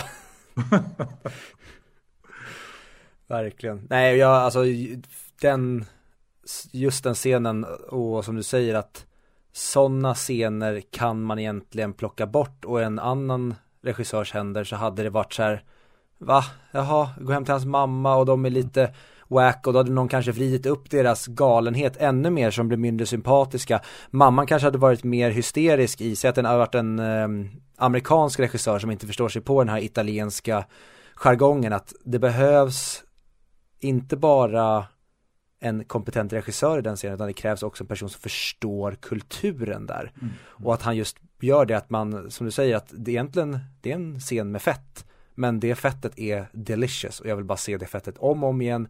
Och så är han ett geni så att han lägger in sin egen morsa i den scenen så att det blir extra charmigt. Ja och äkta, han gillar ju det här äktheten liksom att jobba med. Mm. Och där, jag ska faktiskt visa er, jag håller faktiskt på att läsa, det är lite lustigt detta, den här boken. Mm. Um, den kom ganska nyligen, den boken, kan jag rekommendera. Den är lite sådär namedropping uh, ibland, men man får ändå gå igenom processen med Goodfellas. Så där, det var ju många riktiga gangsters som också ville vara med i Goodfellas. Mm. Så de dök ju upp. Där, Jaha, är det här ni gör Goodfellas eller? Ja, vad är ni för några? Well, what's your, mind your own fucking business, du vet. Liksom kommer de, vad fan. Ja, men Oscar Scorsese då, som den här lilla terriern liksom, som pratar ju fortare än Tarantino. Han kommer ut, ja men ta in dem, vi kan, du kan vara med och du kan sitta här bak och du kan vara eh, statist. Och, och ibland gick de ju mitt i tagningar. Så liksom de, nej fan nu räcker det ungefär. Men han, han har ju alltid jagat den här äktheten liksom. Eh, att blanda liksom skådisar med riktiga eh, personer. Och det inspirerades faktiskt vi till eh, när vi gjorde Hipp Hipp. Att behövde vi en taxichaufför, ja, men då, då ringde vi efter en taxi. Och så tog vi han som satt i taxin. Liksom. Och skulle vi spela in en scen hos en läkare, ja men ta en läkare då, det är väl bättre. För att den här liksom jargongen, ja men ni vet, sättet hur läkare åker fram på den här rullstolen de har i sitt rum liksom. Bara ja. den det gör man ju bara på ett sätt om man har jobbat med detta liksom i fem, tio år. Liksom. Så det, vi inspireras ju väldigt mycket av det här med äktheten och blanda statister och skådisar. Och, liksom, och egentligen inte ge... Vi gav ju aldrig statister repliker. Utan vi sa ju till dem, vad som än händer, släpp inte in honom. Va? Nej, nej. Och så fick jag då spela om man var Tiffany Persson eller om Johan var Kajan eller vem fan det var jag behöver komma in här. Nej, det får du inte. Du vet, då, då, då hittar ju de på replikerna själva och det blir ju alltid tusen gånger bättre än att de skulle ha fått en, en replik som de absolut skulle säga fel. Um, så att vi, Scorsese är så inspirerande tycker jag, hela sättet han jobbar på liksom och, och det här med äktheten och, nej men jag vet inte, det den är liksom som ett fyrverkeri av filmkonst den här ja men ni vet åkningen ner på uh, klubben liksom under där och de får ta bordet och sätter ett nytt bord och precis framför scenen och liksom bara för att visa. Och han visar ju Karen hur liksom cool han är men på samma sätt så visar han ju publiken hur cool han är liksom så att vi vi förförs ju tillsammans med henne på något sätt av att ja fan vad häftigt och han verkar känna alla och liksom oj han får ett eget bord och han hälsar på klubbkillarna och liksom du vet sådär. Så att äh, nej, men han är, det är verkligen en jag vet inte om det är Scorseses bästa film. Det är väldigt svårt att säga på rak arm så här. För Taxi Driver har ju också Raging Bull. De har ju liksom egenskaper. Men den, den ligger ju absolut liksom på delad första plats som inte annat. Ja, nej, ja, det är samma som du säger. Jag vet inte heller och det är så fort man öppnar Scorseses katalog och så ska man välja vilken av alla hans barn man tycker om mest. Då, mm. Det är en ekvation som inte går ihop. Men och det jag känner, och det kände jag nu också efter att efter varje gång jag typ ser vilken Scorsese-film som helst så känner jag att nej men det här är nog fan hans bästa. Och sen så öppnar man katalogen och så är den lika, man har ingen aning om då heller vilken man ska välja men det är just det som jag jag vet inte om det är min favoritregissör all time men det är nog hans filmer jag har lättast att bara slå på de allra flesta. Och som du säger det här om man knatar förbi tvn och så, ja ah, det är en Scorsese-film på. Han bara, han bara suger in dig. Mm. Och han är så bra på det här att man kan känna en söndag att man är trött och skulle egentligen vilja se någon, eh, så här, en, en lök i bakiskomedin och så Judd Apatow. Men då går Scorsese precis lika bra för hans filmer är svinroliga. Mm. Och vill du ha någonting väldigt spännande då funkar Scorsese för hans filmer är svinspännande eller alltså han har verkligen, han är så bra på allt. Det spelar ingen roll om du är en pretentiös skitnödig person eller om du är bara vill se blockbuster och liksom älskar transformers och pang-pang. Han funkar för alla och Mm. han är bäst på att bara suga in dig och du fattar inte vad som har hänt och sen sitter du bara där efter två timmar, 40 minuter eller tre timmar så vissa av hans filmer är och bara jag vill bara ha mer Mm. men jag har ingen aning om egentligen som den här filmen den har ju liksom ingen tydlig att det är han som är the bad guy, vi ska ta reda på vem mördaren är i slutet utan det är bara en jävla ride och du vill aldrig att den ska ta slut och när den väl är slut så är det bara ge mig mer. Ja, verkligen.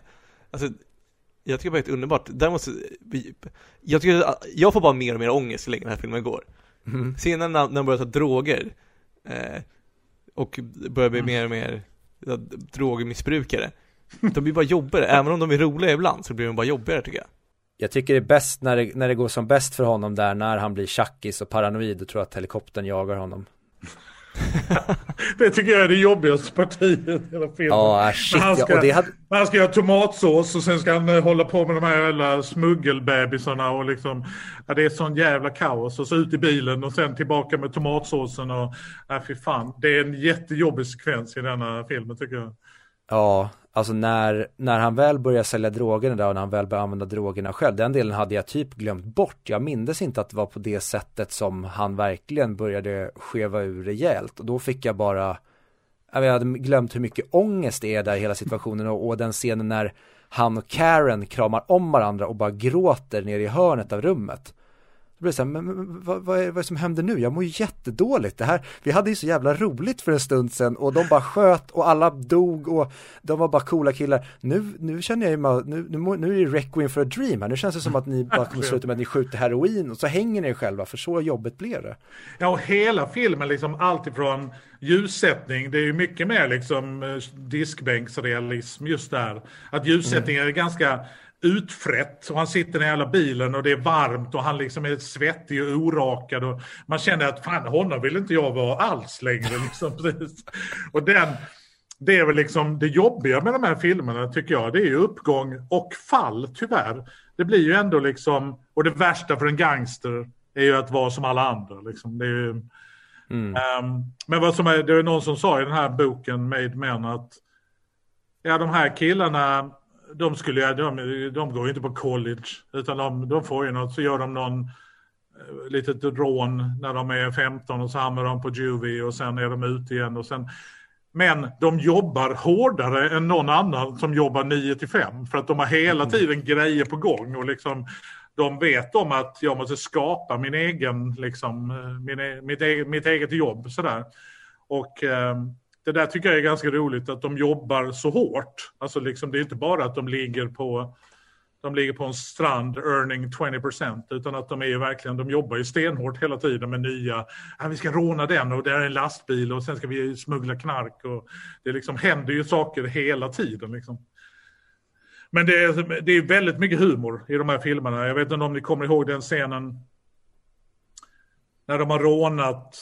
Ja men det är liksom, de, de sitter typ i någon, eh, ehm, något lager någonstans. Jag tror att det är den scenen som är liksom fuck you, pay me. Fuck you, Ja. pay me. Oh you got a problem with that? Fuck you, pay me. Hela den.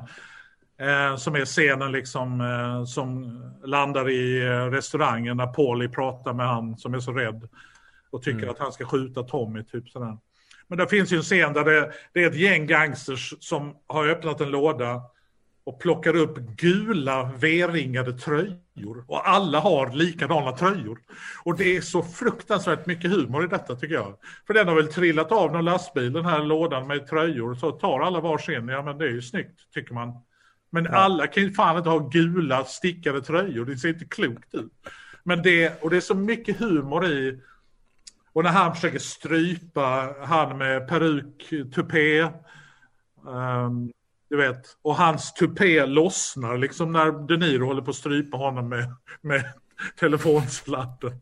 Det är liksom både roligt och jävligt obehagligt på samma gång. Och det är, det är jävligt coolt att liksom kunna hitta den tonen. Liksom. Så att jag, Ja, och just, just den scenen, eh, just den scenen med när han stryper med peruken och det.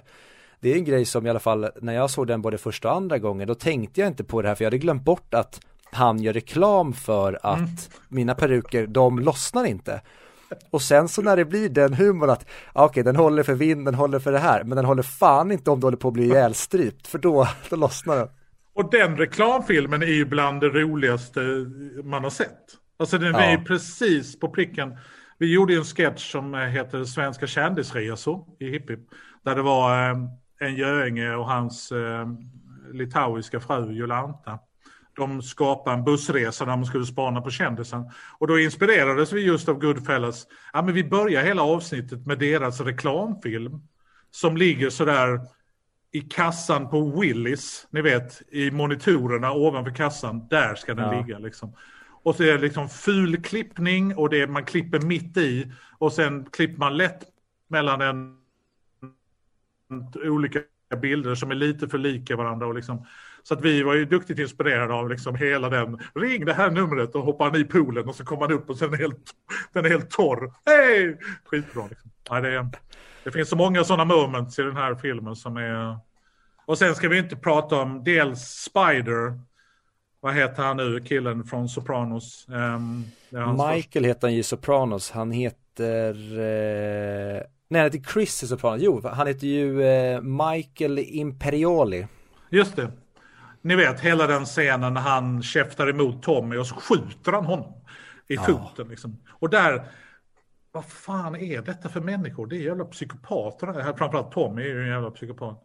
Och sen ja. går ju man till den scenen på, klubben när liksom, you think I'm funny? Eller I'm funny you? Och den, den scenen kom ju från Peshis eget liv tror jag. Um, mm. Han hade varit med om någonting liknande.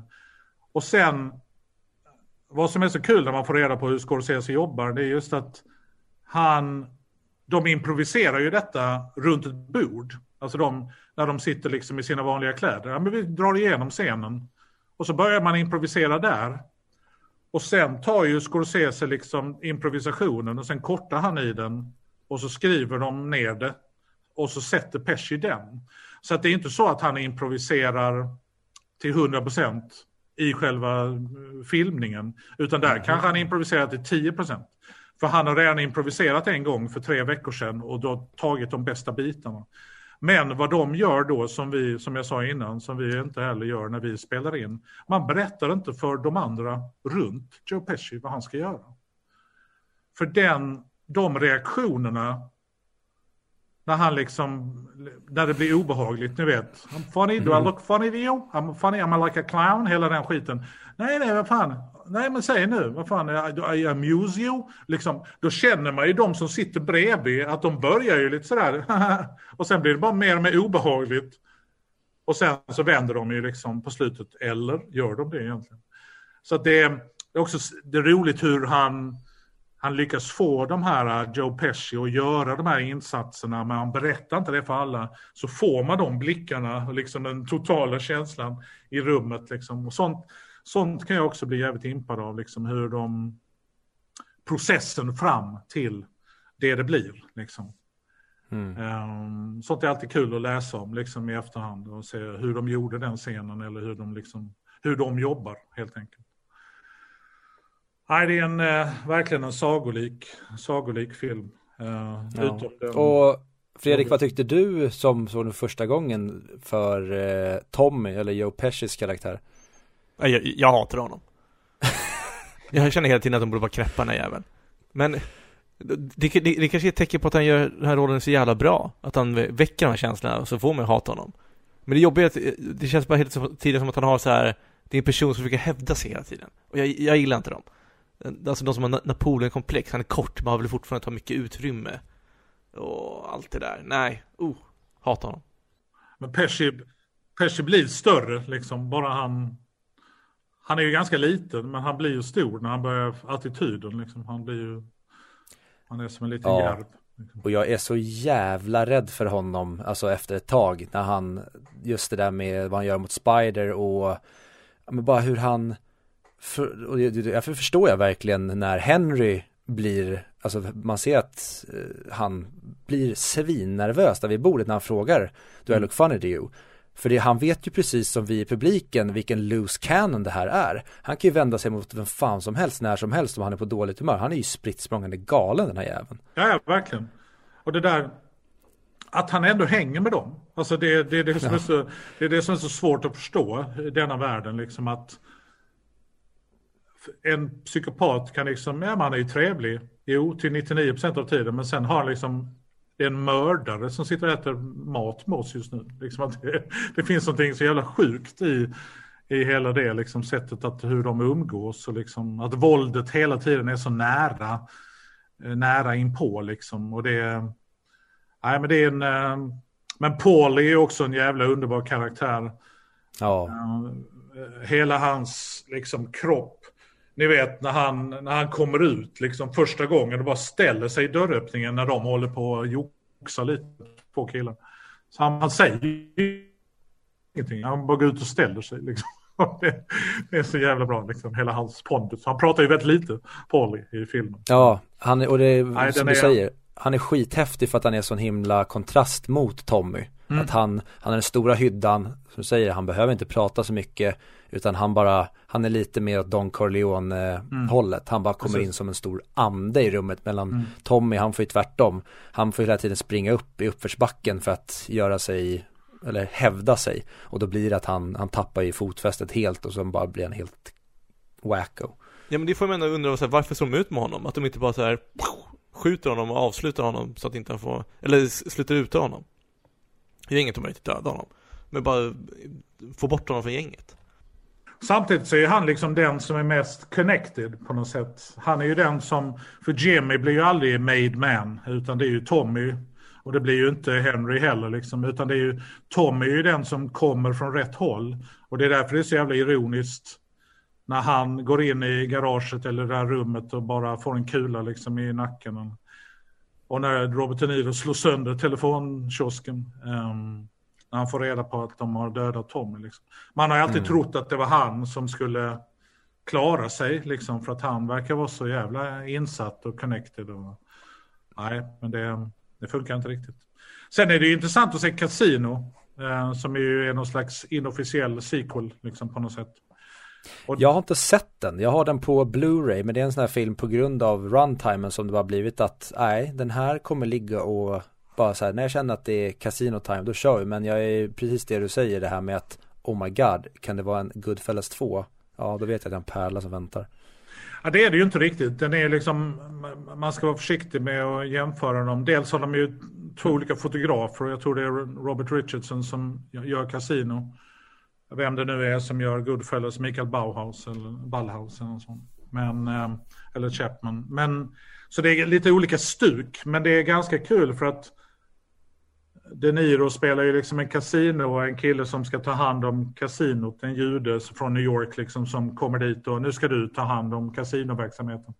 Och sen spelar Joe Pesci nästan ännu mer obehaglig roll i kasino. Liksom.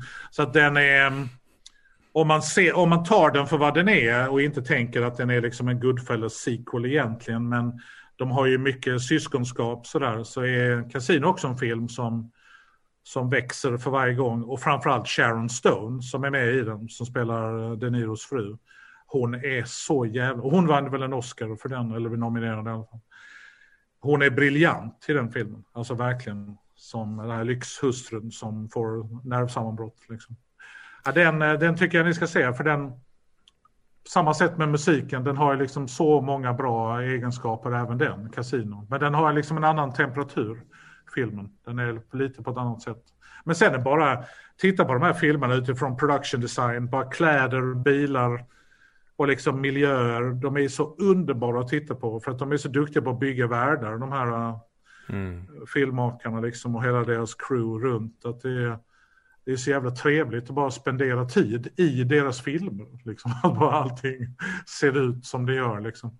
Och vad som är kul tycker jag, de duktiga amerikanska filmmakers som ibland svenska tv-serier och filmer lider lite av. Man behöver inte visa att det är 80-tal i varenda bildruta. Du behöver Nej. inte ha en Rubiks kub i varenda bildruta. Liksom. Och det, de är så duktiga på det, amerikanerna tycker jag. Det är liksom 60-tal. Och sen, ja, man gör inte så mycket av det. Liksom. Utan det är, det är bara jävligt välgjort alltihopa. Och sen bryr man sig om storyn. Liksom. Mm. Uh, och där är ju verkligen Scorsese uh, exceptionellt duktig liksom, på... Och de han jobbar med såklart. Liksom. Oh, kan det vara därför, det här är bara en idé jag fick nu.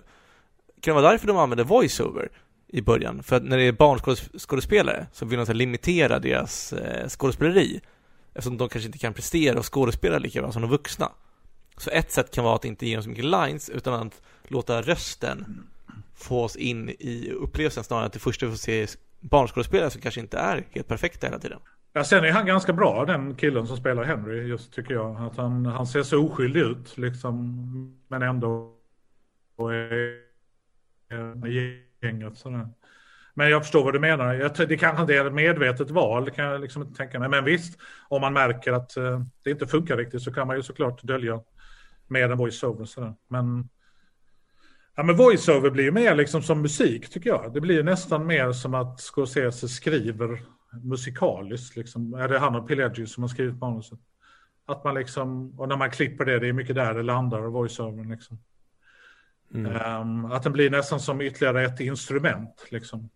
Och sen, man sätter ju saker jävligt snabbt med voiceover. Det är ju därför man använder voiceover i många filmer. Det är ju lite, det var en, det var en gång en prinsessa. Lite, ja men det är ju lite det sättet man berättar historia, att man snabbt sätter den Lite som Big Lebowski eller som The Apartment av eh, Billy Wilder med Jack Lemmon. Det är också en voiceover i början som snabbt sätter miljön, liksom, som att man kan börja ha kul ganska fort. Liksom. Mm. Ja, men kanske, men sen så tycker jag att eh, alltså dels voiceovern och allting med den här filmen funkar så himla bra med Scorsese. Han är så, alltså de mhm. kameravinklarna och vad, de perspektiven han väljer att visa hela tiden. Alltså ta bara, typ som scenen med när han vaknar upp och hon har en pistol framför honom bara allt det här är så himla, himla coolt tycker jag, så himla jävla bra. Han är duktig på perspektiv, alltså eh, Scorsese. Han är duktig på att berätta saker liksom och bara genom att välja lite olika kamera, liksom vem man ligger på eller vem man ligger ifrån sådär. Han är ju väldigt duktig på att förflytta liksom tittaren till olika platser och vem är det som vi är med nu egentligen liksom. Sådär. Och perspektiv är ju en av de viktigaste sakerna när man berättar. Det är mm. verkligen, vet man inte riktigt vems film det är, de filmerna blir ju aldrig bra tycker jag. Um, nej, nej jag men är man, är man tydlig, liksom, man väljer ju alla bilder utifrån det. Man väljer ju musik och klippning utifrån vems, ja men som Ripley i Alien till exempel, det är ju hennes film. Eller kattens film kanske. Men det är ju liksom, det är Ripley, det är Ripleys film. Och då väljer man ju, om man tittar på Alien med de ögonen så ser man ju även från början att det här är hennes film. Liksom. Um, men det är, det är häftigt, precis som du säger, att man byter till... Och den scenen när hon sitter över honom med pistolen rakt in i kameran, liksom. Den, uh, ja. Och ilskan, liksom. Men hur mycket i den här filmen, för det är, alltså det är lite så här, jag vet inte om någon film måste ha gjort det tidigare, mm. men det är många sådana saker, typ som, nej, alltså pistolen in i mm. kameran, scenen och allt det här som vi pratade om innan. Eh, vad tror ni egentligen Scorsese kom på? Alltså har han kommit på någonting? Alltså det kan vara allt från att de slider över bordet med kameran eller sånt där. Eller tror ni att han bara har, har varit jävligt bra på att sno saker och sen blandat in det? Jag kan ju tänka mig att Scorsese har sett det i någon eh, film med Richard Widmark på 40-talet. Han har säkert sett det. Han kan ju, han är ju som en encyklopedi, Scorsese. Han kan ju liksom sin filmhistoria han har i princip sett alla filmer som har gjorts ungefär. Så att jag kan tänka mig att han har sett detta på något ställe. Men kanske inte lika utförligt sådär. Så som de gör i den här filmen. För att blicken på slutet till exempel, när Henry går ut och tar tidningen i Suburbia, när han är en everyman liksom. Då tittar han ju in i kameran. Han tittar in i kameran.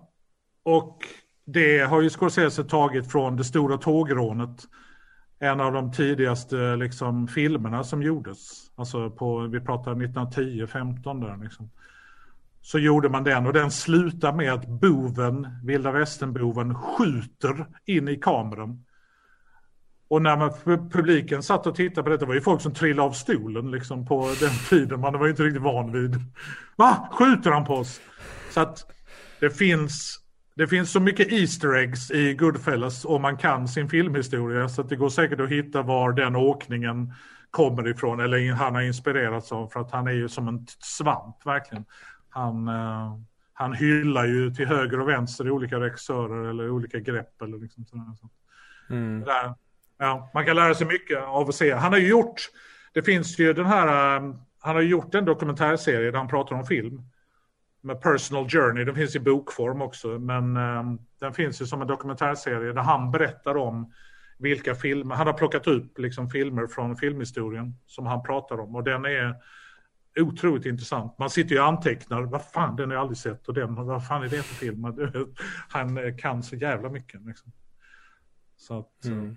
Men just det som du säger också med det här till referensen och hur han äh, återskapar som sista bildrutan egentligen där med Tommy. Samma sak fick jag känslan av när han står i duschen där och han får höra på radio nere va, om att de lyckades med eh, vad är det de har rånat vad är det de gör då? De, ja men precis. Ja, men de, och, Lufthansa, ja precis, pengarna. Ja just det, exakt den är det.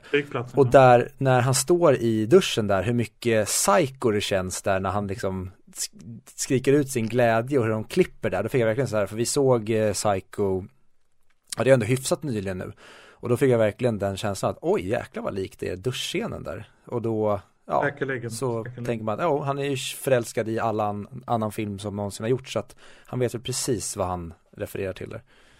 Och det är det som är så kul med Scorsese, men det är ju samma sak med Tarantino, att det finns så mycket kärlek till film. Liksom. Mm. Um, Sen kanske Tarantino är lite sådär post, liksom, ja det blir lite postmodernt liksom att han, ja men han hyllar, ja, jag vet inte, det känns som det är på en annan nivå när Scorsese gör det än mm. när Tarantino gör det. Men hade, ja. man sett, hade man sett Hongkong-filmer eller koreansk eller kinesisk film, hade man sett John Woo liksom innan Tarantino började liksom låna men de stora, de stora konstnärerna lånar ju inte, de stjäl ju rakt om. Sånt. Ja.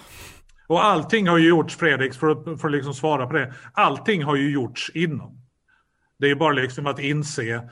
Folk som försöker vara unika eller originella, det tyder ju bara på en okunskap, tycker jag, i mångt och mycket.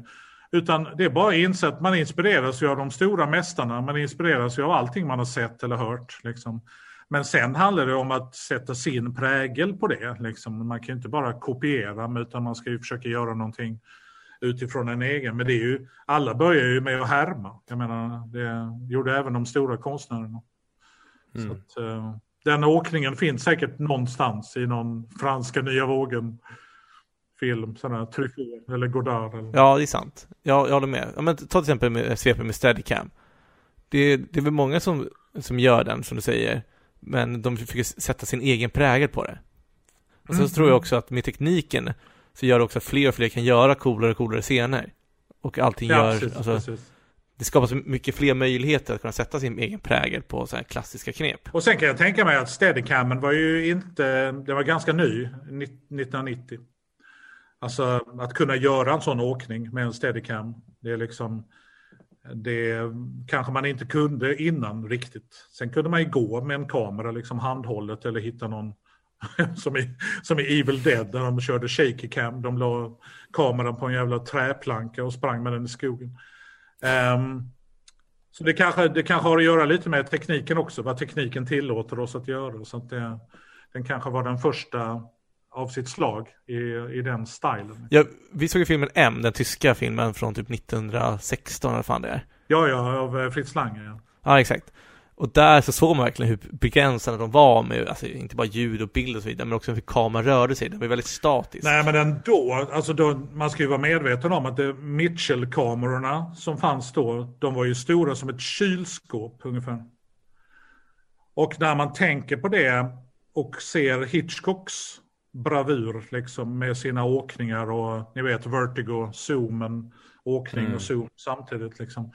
Då ska man veta om att de kamerorna vägde liksom 100 kilo. Så att Och nu för tiden, jag menar våra kameror som vi filmar med, Ariflex och de här, de är ju så här små liksom, eller Red eller vad man nu gör filmer. Så att eh, jag är ändå ganska impad. Det finns ju en film av Hard Hughes eh, som ju även Scorsese gjort film om. Han gör ju en åkning över några kafébord. Den kan ni säkert hitta, jag kommer inte ihåg vilken film det är. Angels någonting heter den. En otroligt häftig åkning liksom över kafébord. Alltså mellan folk som sitter och pratar. Så flyttar de sina huvuden när kameran rör sig. Och så landar den liksom vid ett bord. Och den använde Rian Johnson när han gjorde The Last Jedi. När de var på det här kasinot ute i rymden. Mm. I um, Star Wars del 8. Så att eh, ju mer, det är ju så med mycket subkultur, det märker ju ni säkert, ni är så unga liksom, men ni kan ju ändå skitmycket redan liksom. Så att man märker ju, ju mer man läser, desto mer inser man att ju mindre man vet och ju mer man ser, desto inser man, vad fan, jag har inte sett, jag har inte sett något av denna genren liksom. Jävlar, jag har jättemycket kvar att titta på. Och det, det är ganska fint kan jag tycka. Att eh, bara för att man kan liksom en del av filmhistorien så innebär det inte att man kan allting. Och det är det som är så vackert, att man liksom, så länge man är ödmjuk inför det liksom. Och, ja, eh, så får man ta, man får ta en film i taget helt enkelt. Vilken film var, mm. den här scenen du pratade om, vilken film var det med i? Sorry. Jag vet inte fan om det är Hughes som har gjort den eller om det är någon, det kanske är Murnau som har gjort Sunrise, kanske det är. Alltså en tysk regissör som heter Murnau. M-U-R-N-A-U. Um, det finns en dolly shot liksom. Det kanske är i den filmen. Men jag minns inte riktigt. Det sjukaste scenen jag har sett med den där, det är den i Contact. När det är en tjej som springer mot spegeln. Och sen när hon kommer i spegeln så kommer typ kameran ut ur spegeln sen. Så den, den borde du kolla på. Den är helt sinnessjuk som gör den. Ja, fan det är obehagligt. Den är jätteobehaglig. Jag vet fortfarande hur fan gör man detta? Den är jätteläskig att titta på. Men eh, om vi återgår till Goodfellas, alltså, det verkar ju på er två som att ni två verkligen gillar den här väldigt mycket. Och jag tycker också det var en helt underbar film. Eh, och jag gillar bara att få, få follow the ride, alltså sitta på tåget och följa med på den här resan. Vad kul. Men jag tänker så här, vad, finns det någonting i den här filmen som ni hade velat göra, ändra på? Eller någonting, någon kritik ni har till filmen? Eh, typ om det är karaktärerna eller om det är något annat fel ni hittar, eller någonting ni vill göra bättre? Jag känner ju spontant, eller jag kände efter jag hade sett den, det var att jag tycker inte så mycket om Ray Lioda och jag tycker inte så mycket om Henry. Och där funderade jag på att kan det vara någonting som Scorsese är medveten om vad han gör eller ville han ha den här Leonardo DiCaprio-karaktären, alltså ville han att Ray Lioda skulle vara det? För jag tycker inte om honom, jag tycker att han hela tiden han ser lite fishy ut, men då känner jag att jag tycker om alla andra runt omkring honom så mycket mer på grund av det. Jag älskar ju till exempel Karen, hans fru. Ja, men jag förstår. Och han, han, han hamnar i ett svårt läge när han ska jobba med De Niro och Pesci liksom och vara en mm. tredje benet där. Men jag, jag kan tänka mig också att det är någonting som Henry Hill blev ju aldrig riktigt en del av den världen. Alltså han, och det var ju också det som ledde till att han räddade sitt eget skinn liksom på slutet på något sätt. Um, så jag kan tänka mig att Scorsese tyckte nog inte att det var helt fel, liksom att det blev så. Sen kan jag ju tycka att Ray Liottas röst är fantastisk som en voice-over-röst. Ja. Uh, han gör den väldigt, väldigt bra. Liksom. Nej, för att hitta någonting. Jag kan inte hitta något fel egentligen på den här filmen. Jag kan bara tycka att det är jobbigt när han gör tomatsås och jagas av helikoptrar. Jag mår personligen, jag mår personligen jag, nej, för fan, jag gillar inte denna biten i filmen. Jag tycker inte om denna biten i filmen. Men ja, den ingår ju i filmen. Men fan också, helvete att det går dåligt. liksom.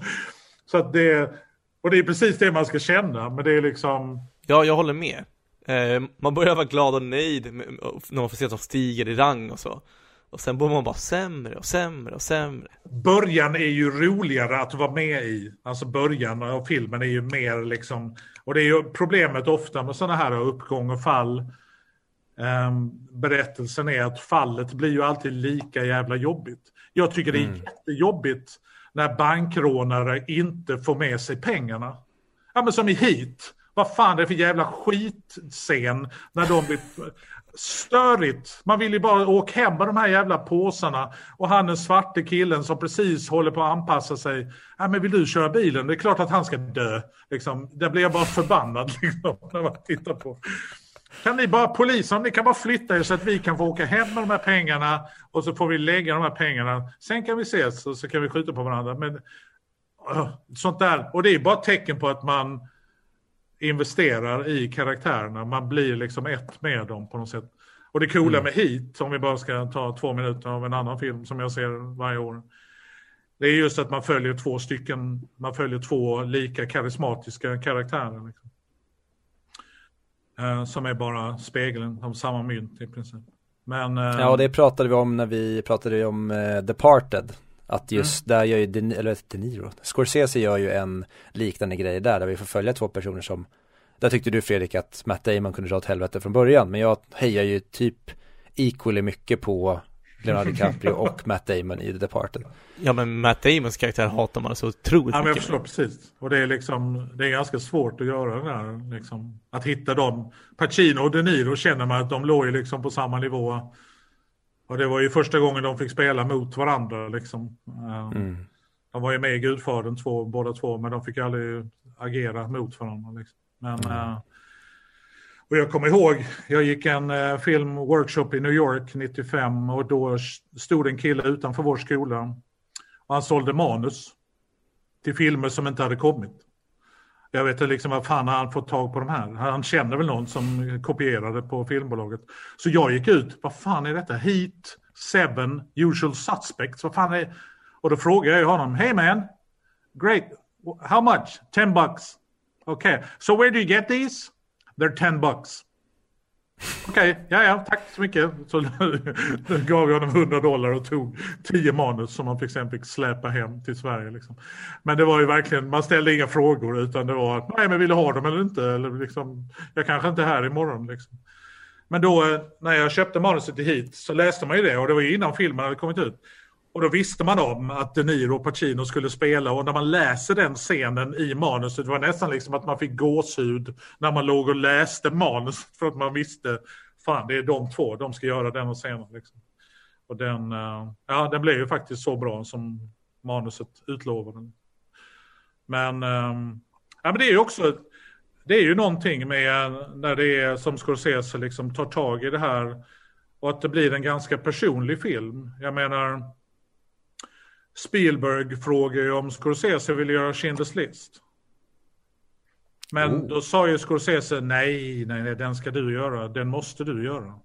Mm. Men det tog ju många, många år innan Spielberg kände sig redo för att göra den filmen. Alltså han var ju inte mogen.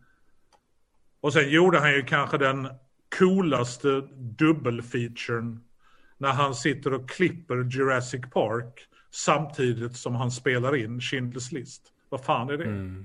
Hur, ja. hur, hur, hur mångfacetterad är man då som regissör när man kan klippa dinosaurier och sen gå ut i Auschwitz liksom sekunder senare och, och filma någonting åt det hållet. Det är liksom Fan vad sjukt. makaber liksom hur han kunde sortera.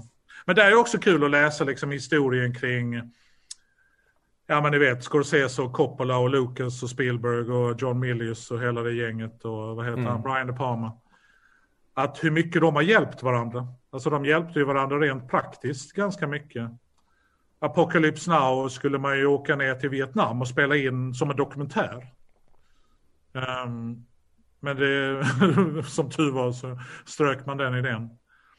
Men till exempel slutscenen i Taxi Driver när han går in och skjuter alla och räddar Jodie Foster. Um, det var ju Spielberg som klippte den. Till exempel. Mm -hmm. För att Scorsese höll på med någonting annat. Kan du bara komma in och hjälpa mig att klippa denna? Ja, visst. Så går Scorsese in och, ja, jag har gjort ett första utkast. Tack så jättemycket, vi ses imorgon. Och så tog han vid liksom sådär. Så de, de har ju liksom inspirerat varandra och hjälpt varandra i ganska många olika aspekter. Och det är så intressant att bara tänka sig om den filmmakaren hade gjort den filmen istället för den. Och liksom, ja men ni vet, det är samma sak med casting om Tom Selleck nu hade inte haft Magnum utan han kunde göra Indiana Jones, hur hade den sett ut, den filmen? Liksom. Ja. Så det, Det där tycker jag är ganska intressant att läsa. Sådana här nästan tänk om liksom, situationer som har varit väldigt, väldigt nära att någon har fått en roll. Liksom. Nej, men det gick till honom istället. Ja, jag brukar, jag funderar mycket på Sean Connery som Gandalf. Där mm. så här, hmm. Och där tänker, för där i boken, Gandalf är ju en mycket mer Sean Connery Gandalf eh, än vad jag tycker att han är Ian McKellen Gandalf i boken, den här vresiga, lite mer surgubben. Och det hade kunnat bli skitcoolt, men jag tror verkligen inte att jag tror verkligen att den Gandalf som Ian McKellen gör var den Ian McKellen som filmen behövde. Det hade inte funkat med en Sean Connery Gandalf. Det tror jag hade kunnat rasera hela. Nej men jag håller med. Det är ju hisnande när man tänker på de, de där stora valen liksom. Och, eh, och det, precis som du säger att Ian McKellens Gandalf känns så enormt naturlig. Det känns så bara som, mm. ja, castingen i Sagan om ringen den är ju ändå top notch tycker jag. Ja. Um, att de hittar rätt och liksom det var ju någon annan som skulle spela eh, Aragorn. Vad heter han? Den andra australiensiska. Han som var med i Mission Impossible 2. Men eh, eh, sen blev det ju att liksom Viggo Mortensen fick det där samtalet och så frågade han sin tonårige son. De vill att jag ska spela Aragorn. Ja för fan, gör det. Okej, okay, jag, tar, jag tar rollen. um, så att det där med casting är ju jätteintressant tycker jag när man läser, ja, men läser böcker liksom om filmer och få reda på hur det egentligen gick till när de rollbesatte eller, eller valde musik eller vad de nu valde. Liksom. Och det mm. var ju nästan det roligaste tycker jag när man köpte de här manusen i New York. Jag köpte Usual Suspects. och där var det ändringar. De, satt, de var med, ändringarna. De satt på första sidan. Eller för liksom mm. omslag och sen. Och så stod det då ändringar från version 4. Jaha, coolt den och den karaktären kommer slås ihop till en och den kallas för Kobayashi. What? Och liksom, där fick man en sån respekt för att en film är en process. När man gör mm. någonting, när man skapar någonting. De vet aldrig hur detta ska vara från början. Alltså de, de duktiga regissörerna är ju lyhörda och lyssnar på vad filmen vill. Liksom, sådär. Och så blir den och så är man lagom, har en vision men man är också liksom lyssnar på vad ska detta bli för någonting. Men det är ju ingen som vet. Man gör ett bra manus och sen får man ju förhoppningsvis göra en bra inspelning. Men det är ju i klippningen då man sätter ihop allting och då kan man inte ta hänsyn till ettan och tvåan liksom i processen utan man måste vara helt hänsynslös och liksom ta bort grejer för att det funkar inte. Det som var i manuset som vi kände, det här är den bästa scenen. Nej, den funkar inte alls nu när vi spelar in den. Det blir ju bara pannkaka av den. Och då måste man vara beredd att ta bort den liksom, för the greater good. Liksom, sådär. Och det, är, det är rätt så kul när man köper manus, alltså arbetsmanus eh, på det sättet. Man ser att, nej men Usual Suspects, som ju känns som en perfekt film när man ser den. Det är jävla genomtänkt och liksom, men eh, även den hade ju sina eh, problem liksom, i olika val eh, och vägval och beslut. Och så. Mm. På tal om Usual Suspect, det finns ju en, en klassisk där någon hallåa som ska påa den. Den ska visas på TV4. Och så nej, nej. Ja, ikväll så är storfilmen Kaiser, nej, storfilmen Usual Suspects där Kevin Spacey spelar Kaiser Soze. Nej, nej. Fy fan, det, det Jag tror det finns på YouTube. Nej, det är fan brutalt. När jag var yngre så brukar man visa idrottsresultat sådär på Sportspegeln. Ja, eh, eh, Malmö FF spelar mot AIK och eh, vi kommer visa den här matchen i ett sammandrag. Så ni som inte vill veta hur det gick, ni får blunda nu. Och så visar de en platta där det stod 3-1. Liksom. Men då, då är det en hallåa, ni får blunda nu. 3-1 till Malmö, sa han då. Då sitter alla de som blundat. Vad fan, din dumme jävel. Jag kan inte säga, spoila. När vi var i, jag och min hustru var i New York så åkte vi till Los Angeles eh, den sommaren. Och då fanns ett gäng som spoilade filmer när folk var på väg in i salongen. Såklart. Det är fruktansvärt men också väldigt roligt. Ja men typ sjätte sinnet så stod de, Hey man, hey, you're gonna see the sixth sense? Yeah. So Bruce Willis is a ghost. What? Nej, vad fan din jävla idiot. Och så gick folk in liksom. Så jävla taskigt. Fy fan vad taskigt. För när man väl har fått reda på det, då sitter man ju bara och tänker på det hela filmen. Alltså man är helt förstörd. Liksom. Nej, men det är också lite roligt. Ja. Men vi har pratat om det tidigare i podden också. Eh, eh, det var en artikel som mätte om man gillar en film mer eller mindre med spoilers. Och tydligen så är det så här, vissa kan faktiskt få filmer förstärkta av att eh, bli spoilade av den. Att man vet vad som händer och så vidare. Och, och det tänker jag att det kanske är med vissa filmer, typ som, som Inception och Tenet. Hade jag se, andra gången man ser Inception så blir den bättre. Sen tycker jag personligen att Inception blir inte så svårfattad. Den är ganska straight on tycker jag. Men typ Tenet, den, eh, alltså, den hade jag behövt se en gång till. Ja, men det kan jag ju säga. Hade jag vetat vad Inception och Tenet handlar om så hade det kanske blivit en bättre upplevelse. Men jag fattar ju inte ett skit av de filmerna. När man sitter där, vad fan är detta? Jävligt maffigt. Men jag vet inte riktigt, vad är den jävla snurrgrejen? Vad betyder det? Och vad är hon på riktigt? Alltså det är... Men jag kan också känna ibland, det gör ingenting om man inte fattar. Alltså man behöver, inte, man behöver inte fatta allt. Utan det kan finnas en charm i det tycker jag. Att man, det blir massa frågetecken snarare. Liksom när man kommer ut, vad fan var det med det? Att man pratar om det med sina vänner liksom efter. efter ja, definitivt. Man behöver inte fatta allting. Nej, jag håller med. Vissa filmer tycker jag också blir eh, bättre när man nästan blir tvingad till att söka upp svaren eller måste läsa på lite efter. Har ni sett eh, Thinking about ending things än? Nej, jag har inte sett. Nej, jag har inte sett. Det är helt underbar film. Det är, vad heter han, Charlie Kaufman? Ja, exakt. Det är mm. av eh, Charlie Kaufman. Men där är också en sån här sak, eh, det borde ni se förresten. Där måste man också söka upp svaren efter man har sett den för att verkligen förstå filmen och verkligen njuta av det konstverket den är. ja, men det är ganska kul eh, kan jag tycka. Men det, han är ju en ganska brainy manusfattare och filmmaker. Men hon mm. är så jävla bra, hon som spelar huvudrollen i den. Hon är ju med i Fargo säsong 4 och spelar en helt knäpp sjuksköterska. Ja, hon är helt fantastisk i ja. den här filmen också. Magisk. Den, jag kommer inte ihåg vad hon heter, men eh, hon är väldigt, väldigt bra den skådisen. Ja, jag läste nu, jag kommer inte ihåg, det var någon av de största eh, regissörerna som hade landat henne i sin nya film. Jag kommer fan mm. inte ihåg vem det var. Ja, dem. men jag känner igen Men det var verkligen så här, wow, oj, det här kommer bli, kommer bli nice. Mm. Ja, hon är bra. Ja, jag håller med. Men eh, ska vi börja kanske kliva på betyget? Ja men det kan vi väl göra. Okej Anders, eh, bara så du vet hur, vi brukar göra här. Eh, vi kör en, eh, mm. en 10-skalig betyg.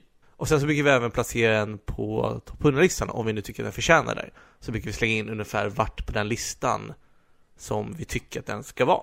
Så vad för betyg skulle du ge Goodfellas, Anders? 10. Nej men verkligen, det här, det här är verkligen en av mina, det här är en topp 10 på riktigt. Ja, nej och vad, ja, den ligger ju placering 17. Eh, och jag kan, jag kan tycka, även fast det här, det är verkligen ingen personlig favorit för mig. Jag har väldigt många Scorsese-filmer som jag kanske inte tycker är bättre men som jag mycket hellre playar och tittar på. Och det kände jag nu när jag såg den här att jag tyckte väldigt mycket om den för att det, det hade gått väldigt lång tid sedan jag såg den sist men jag kände att den här kommer jag behöva eh, sitta på ett tag. Jag vill att den ska vara typ lika ofräsch som den var nu i mitt huvud. Att jag verkligen inte ska komma ihåg de största delarna. Medan det finns typ en, en film som Departed eller ta Wolf of Wall Street. Eh, tänkte säga Catch Me If You Can men det är ingen Scorsese-film. Eh, men typ de de filmerna är så mycket lättare för mig att playa av någon anledning och då blir det som att det enda som jag kan säga skiljer dem och den här åt det är att det, det finns bara någon så här, någon, någon den träffar mig mer i hjärtat. Även fast de i liksom om jag bara ska kolla på dem rent från hjärnans perspektiv så tycker jag att de är lika bra. Men den här är verkligen inte en film som som landar i hjärtat hos mig. Jag vet faktiskt inte varför. Jag kan, kan inte sätta fingret på det. Så att jag tycker fortfarande en 10 av 10 film. Det är en jättebra film. Jag hade nog inte ändrat någonting. Tror jag. Men jag tror kanske att jag personligen skulle satt den här på kanske en topp 50. Bara för att safea. Men ja, alltså jag tyckte den här filmen var otrolig när jag såg den. Eh, men jag får nog ge den en 9 av 10. Jag måste nog se den igen innan jag ska göra 10 av 10. Och 9 av 10 kan också bero på att jag hatar Tony, Tony så jävla mycket. Tony förstör betyget för mig. Men ja, annars, alltså skitrolig film. Kul. Jag fastnade direkt för den när jag såg den och var fast hela filmen i stort sett. Eh, så absolut en potentiell 10 poäng i framtiden. Och jag skulle placera ungefär där den ligger nu. Kanske lite högre upp till och med. Du förstår vad the fuss is about helt enkelt. Ja, ja, absolut. Eh, men sen försöker jag jämföra lite med typ så här, Gudfadern. Och det var länge sedan jag såg Gudfadern, men jag tycker nog nästan att den här, får jag säga det, att det är en bättre film? Det är ju verkligen en, okej okay, det råkar båda vara en liksom italienska crime-familjer, men jag tycker att de Utom det så, har, och nu har jag inte sett Gudfadern på ett par år, men jag vill minnas att Gudfadern och Goodfellas, de har ingenting med varandra att göra. Det är verkligen helt två helt olika filmer och genrer och uh, tempo vad det nu än är. Bara att de råkar utspela sig inom italienska emigrantfamiljer till liksom USA. Ja, jag får väl kliva på och göra en egen film med italienska immigranter som kommer till USA och ser ett namn av sig själv. Ja, bra. Där har du din film du ska göra Fredrik. Känns inte som att någon har försökt att göra den tidigare. Gudfälla, Gudfällas har den hetat. Ja. Nej men det, det, jag håller med, det är ju två helt olika temperaturer i de filmerna och om man tittar på Gudfadern så är den den tittar ju mer tillbaka liksom, alltså från 20-talet och 30-talet och liksom 40, alltså den, den blickar ju tillbaka ganska mycket liksom på hur det var när de kom till USA också. Det finns en, en tydlig liksom eh, historia där. Goodfellas börjar ju liksom mer på 50-talet och så kör den 50, 60, 70 liksom. Um, så att Gudfadern känns ju mer som en äldre film, alltså rent även innehållsmässigt och designmässigt och den har ju ett annat tempo. Den är ju mycket mer som en lite som temat är i Gudfadern liksom. Ah, Det känns ju mer som en italiensk film nästan. Mm. Medan Goodfellas känns mer som en amerikansk film med lite italiensk flavor. Sådär. Så att, um, ja, men jag håller med. Men det, problemet är när man börjar lista sina filmer, man hamnar ju, det går ju ganska fort upp till 10. Det går ju väldigt fort upp till 10. Alltså mm. om man ska lista på, och jag gillar ju det där perspektivet som ni verkar ha, att det är Nej, men jag, Citizen Kane, absolut. Kanonfilm, men det är ju ingen som ligger med på min lista sådär. Alltså det är ingen film som jag har berörts av liksom, eller sådär. Men däremot, däremot så ligger Point Break med på min lista liksom. Så att det, fin- det är ju liksom vad man själv går igång på, de här filmerna. Och min, min son som nu är 20, han frågade ju mig för många år sedan kan inte du göra en lista på typ topp 50 som vi måste ha sett? För att du refererar så mycket till film och det är så mycket filmcitat så när jag känner att jag inte sett de filmerna så vet jag fan inte vad du pratar om ja men verkligen, verkligen. Så jag gjorde en lista med mina topp 50. Och det gick ju jävligt snabbt. Så det gjorde jag en lista till som också heter topp 50 del 2. Liksom. Och vi började för vad var det, sju, åtta år sedan så började vi gå igenom de listorna. Så vi betar av film för film. Och han säger ingenting Max. Vilken blir det idag? Ja, det blir Sunset Boulevard av Billy Wilder. Jaha, okej, okay, kör. Och så tittar vi på den. Och så frågar jag, vad tycker du? Äh, det var sådär. Och då blir jag skitarg. Men och så bryter vi liksom, tar lite nytt och lite gammalt och lite skräck och lite humor och lite sådär. Men det är ett ganska trevligt projekt. Det är ju lite som ni håller på med nu med liksom en topp 100. Det, man får ju definiera om de här listorna hela tiden tycker jag. Och ibland kommer det några nya bubblare och då måste man kanske ta lite nya val. Nej men fan jag gillar ju denna men denna var ju så jävla bra. Liksom sådär. Så det, det är ju kul att hålla på med de här filmlistorna för att det det speglar ju lite grann vem man är liksom just nu. Liksom, sådär. Verkligen. Och som du ja, nämnde, du nämnde det tidigare där med att just en film kan landa och sen när man är 20 på ett, ett visst sätt och sen när man ser om den 5-10 år senare eller mm. vad det nu än är.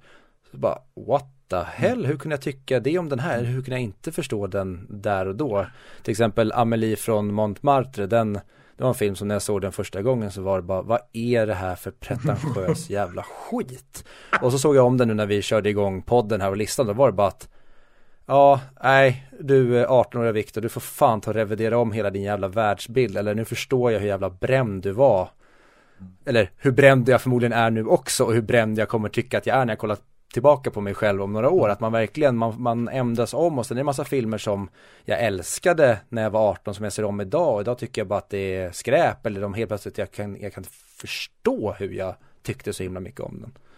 Ja, men det där är, det är ganska kul för det blir ju ändå ett eh, dokument över ens egen utveckling liksom på något sätt. Och jag, jag menar, man har ju sett ganska många av sina favoriter typ när man var 15 till 20. Liksom mm. där, och jag kommer ihåg liksom när vi hyrde film sådär som man gjorde. Man gick till video, videoteket i Lund liksom och så hyrde man två filmer och en moviebox och så såg man dem. Och det var ju så mycket minnen i att sitta i någon jävla gillestuga som luktar ostbågar och strumpläst liksom sådär. Och så tittar man på någon jävla skräckfilm liksom, eller The Thing eller så att och man var ju så rädd så att man höll på att dö. Och sen skulle man cykla hem dessutom från den här kompisen. Liksom, vad fan tittar vi på den för? Dum i huvudet. Men ehm, så man, man formas ju ganska mycket liksom från, men ni är ju liksom, precis som jag, så är ju ni aktiva filmstudenter. Alltså som tittar på film. Man tittar ju på film, en gång tittar man ju som en filmälskare. Nästa gång tittar man ju liksom som en film, mm, sådär lite grann. Mm. Sen kan man gå tillbaka till att titta på filmen igen bara för att man älskar den. Men man ser ju filmer på olika sätt beroende på när man ser dem och vilken eller med vem man ser dem och så vidare. Jag tittar ju på filmer på ett annat sätt via min son. Alltså när jag ser honom titta på en film då ser ju jag den lite på ett annat sätt också. Liksom. Så mm. det, det, är det som är så coolt med bra konst. Att man, man kan titta på det många, många gånger och det blir aldrig riktigt samma sak. Nej, verkligen inte. Och det låter ju som, nu har ni redan betat av listan låter som, men det här låter ju som en, ett fascinerande dokumentärt projekt som så här, jag ska lära mig och förstå min pappa. Hur fan gör jag det? Jag ska se alla hans favoritfilmer för annars har jag inte en aning om vad fan det är han pratar om. Absolut, absolut. Det, det är kanske, vad säger man? Det, det, finaste och minst mörka diskbänksdramat som någonsin har gjorts. Jag och min pappa kan inte kommunicera, vad gör vi? Vi kollar på en jävla massa film ihop. Nej, men det är ganska trevligt att sitta och diskutera Patrick Swayzes insats i Point Break sådär över en, över en mm. middag. Um, nej, men det är verkligen högt och lågt i de här listorna. För att det, och det roliga var att den första listan, där tog jag nog mer klassiker. Eller liksom, den andra listan var ju mycket mer, ja, den gillar jag och den gillar jag och den gillar jag. Den var liksom nästan fri, alltså mer fri. För att det finns ju en anledning till att många filmer är filmklassiker och man gillar ju dem också. Jag menar på min, högst upp på min lista, ja men förutom Raiders of Lost Ark och Star Wars och de här. Där ligger ju Lawrence of Arabia och Chinatown och Gudfadern och liksom Rosemary's Baby och alltså det är så många av de filmerna som finns där. Liksom. Men den andra listan är ju mycket mer en amerikansk varulv i London och flykten från New York och liksom mer lite busigare på något sätt och kanske inte så pretentiösa liksom. Mm. Ja, ni vet, film, filmkonnässörfilmer utan lite mer brokig samling. Men eh, ja, jag kan rekommendera detta. När ni själva får barn om 20 år. 30 år, 20, ja. minuter, 20 minuter, jag vet inte. Ja, någonstans däremellan. Om 20 minuter, mellan 20 minuter och 20 år ska jag få barn. Ja, visst? Ja. En bra perspektiv. Ja, men det, jag tycker ändå att det verkar nice med en sån här lista där du både har topp 50 filmer eller topp 100 filmer eller vad du nu har och har lite så här mer det här är en skön film att kolla på. Ibland kommer det lördagkväll jag kommer hem och känner så här, nej, jag vill palla inte se Casablanca. Eller jag, jag orkar inte se en för att spela in podden. Jag vill bara kolla på Transformers 3. Det är den filmen jag vill se ikväll. Och jag blir aldrig trött på att höra ljuden när de förvandlar sig. Alltså det är, det, det är bland det bästa jag vet. Det är liksom... Ja. Ja men när Optimus Prime liksom blir en jävla lastbil eller förvandlas. De ljuden och så hela hydraulik. Ja, verkligen. Jag håller med. Och du vet, man ser, man ser ju Iron Man-tekniken, hur de förädlar den verkligen. Ja. Att det är så många delar som rör sig och jag tröttnar fan aldrig på det. Jag tröttnar aldrig på det. Det är så jättetrevligt det ljudet och hela tekniken och ja för fan, jag är med. Men jag förstår precis vad du menar. Sen kan jag ju liksom titta på Casablanca. Det är också en av mina favoriter. Liksom. Um, på massa olika sätt. Liksom man kan se den som en filmklassiker eller så kan jag bara sitta och kolla på den bara för att det finns väldigt mycket humor i Casablanca också. Mm. Men eh, ja, det är det som är coolt med film. Man vet aldrig. Och Casablanca var ju bara en av 50 filmer som de gjorde, det är Warner Brothers, som de gjorde det året. Det var ju liksom bara en av, ja visst, vi gjorde en film i veckan. Den här heter Casablanca. Och så blir det liksom en av de mest klassiska filmerna någonsin.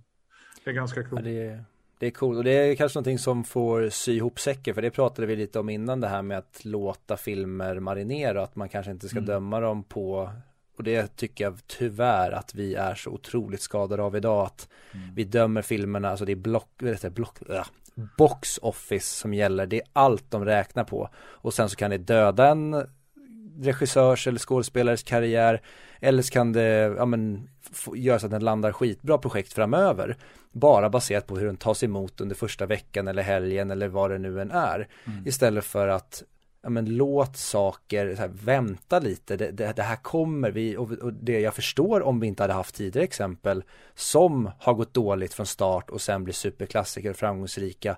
Men när vi har nästan fler regler än undantag som funkar på det sättet att de blir inga instant hits och sen så bara kommer de och sen helt plötsligt så är det en film som finns med alla överallt. Mm. Kan vi inte bara jag förstår att de vill ha sina pengarna ska in men kan de inte börja satsa på mindre projekt och ge duktiga nya filmskapare i så fall och göra sina filmer att det behöver inte vara man lägger alla ägg i en jävla korg och så får det bära eller brista. Jag, jag saknar verkligen det där med men jag tänker mest på 90-talet och när typ Harvey Weinstein där, när, när de bara handplockade vissa och så ska de göra sina de här berättelserna och så hade de inte superstor budget, men Coen-bröderna och sånt och sen så bara var det som att de bara åt upp allting och så blev det de här superklassikerna. Det, det känns inte som att vi får det längre och det kan jag verkligen sakna. Ja, och det där, jag menar om vi nu tittar på 70-talet som en första blockbustern var i princip Hajen liksom, eller Exorcisterna. Mm. De, då gick man ju på bio och såg film och sen pratade man om dem med sina kompisar och då gick man med dem och såg filmen igen. Mm. Så då kunde ju filmer spela en hel sommar. Alltså, och till och med ännu längre. Mm. De filmerna, Star Wars dominerar ju liksom biograferna under en ganska lång tid. När den exploderade liksom. Och det är då man liksom gjorde blockbusters för det var köer runt hela kvarteret. Liksom. Um, mm. Men nu är det ju så, man måste, en film kan dö, precis som du säger Victor, en film kan dö efter liksom en helg. Och då måste man få ut den till så många som möjligt nu. För att ja. man vågar inte lita på att liksom folk ska snacka om den och gå och se den igen. Sådär, för att men det där det är liksom en helt ny affärsmodell som eh, Hollywood håller på att bygga upp nu med streaming och prenumeranter. Det är lite som spelindustrin när man säljer gratisspel och sen börjar mynten kosta en krona styck. Liksom. Och det är mm. där man drar in pengarna på care packages och skins och allt annat coolt. Liksom. Så det är ju liksom en annan affärsmodell helt enkelt. Men jag håller med verkligen att man att sprida, eller bara den upplevelsen av att stå, ni vet när man är på den sena, alltså man hör typ 18-visningen, hör man utifrån. Alltså när man står och typ köper popcorn och ska gå klockan 20 och se filmen. Mm. Så hör man ju, wow, liksom jublet inifrån eller folk som skriker. Liksom, vad fan är detta liksom, jävla gött, nu är det vår tur liksom. Och så går man in och ser alla, man möter människorna, hur jävla lyckliga eller skiträdda.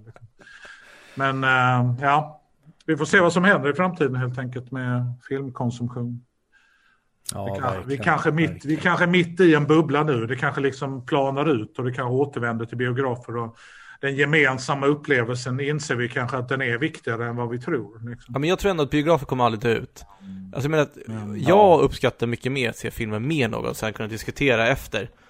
Mm. Eh, så min spaning är då att bion kommer tillbaka. Yes, eh, men med det sagt Stort, stort tack Anders att du var med. Det var skitroligt att ha med dig här nu. Det blev, eh, jag tror det vi slår eh, längsta avsnittet hittills. Det har bara varit eh, vi har hamnat på sidospår efter sidospår, sen är vi tillbaka till eh, huvudspår, sen blir det sidospår och sidospår. Men det är i alla fall den tendensen jag tycker att det blir när jag snackar film med mina filmintresserade polare, det är att man, man börjar prata om en grej mm. och sen två timmar 45 minuter senare så vet man inte vart man hamnade någonstans för allt, allt bara kopplas till något annat och så är man ute i skogen på en liten stig och den är helt fantastisk och sen hoppar man över till något annat och sen det bara finns oändligt att prata om.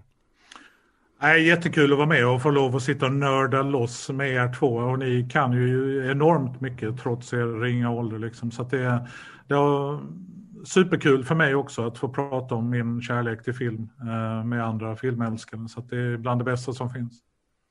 Kul. Det tror jag väl eh, var allt Fredrik. Har, eh, har jag glömt någonting? Jag tror inte det. Eller alltså, det finns, varje avsnitt finns saker som vi glömmer bort att säga så kommer vi säkert få något hat för det. det är alltid så att vi lär oss 30 minuter känner man så här, åh oh shit, nu, nu behöver vi snart inte någonting att prata om längre. Och sen bara, poff, har plötsligt gått två timmar har man spelat in. Och man känner att man fortfarande har fler saker att säga istället. Jo men eh, du måste berätta nästa veckas film och vart man kan se den. Jo, just det, såklart, såklart, det får vi inte glömma. Nästa vecka, då är det dags för The Matrix. Och för er som, eh, ja, mot all förmodan nu inte har sett den eller om ni bara vill se den igen nu inför nästa veckas avsnitt så går den då att se på Netflix om du har ett konto där. Sen går den även att hyra på Blockbuster, SF Anytime, Rakuten TV, iTunes, YouTube Movies, Google Play och Viaplay. Det känns som att det aldrig varit så här många plattformar har funnits, eller en film har funnits tillgänglig på mm. så länge vi har gjort den här podden. Men eh, nu vet ni det, nästa vecka då är det dags för The Matrix. Ja, och glöm inte att följa oss på våra sociala, våra favoritsociala medier.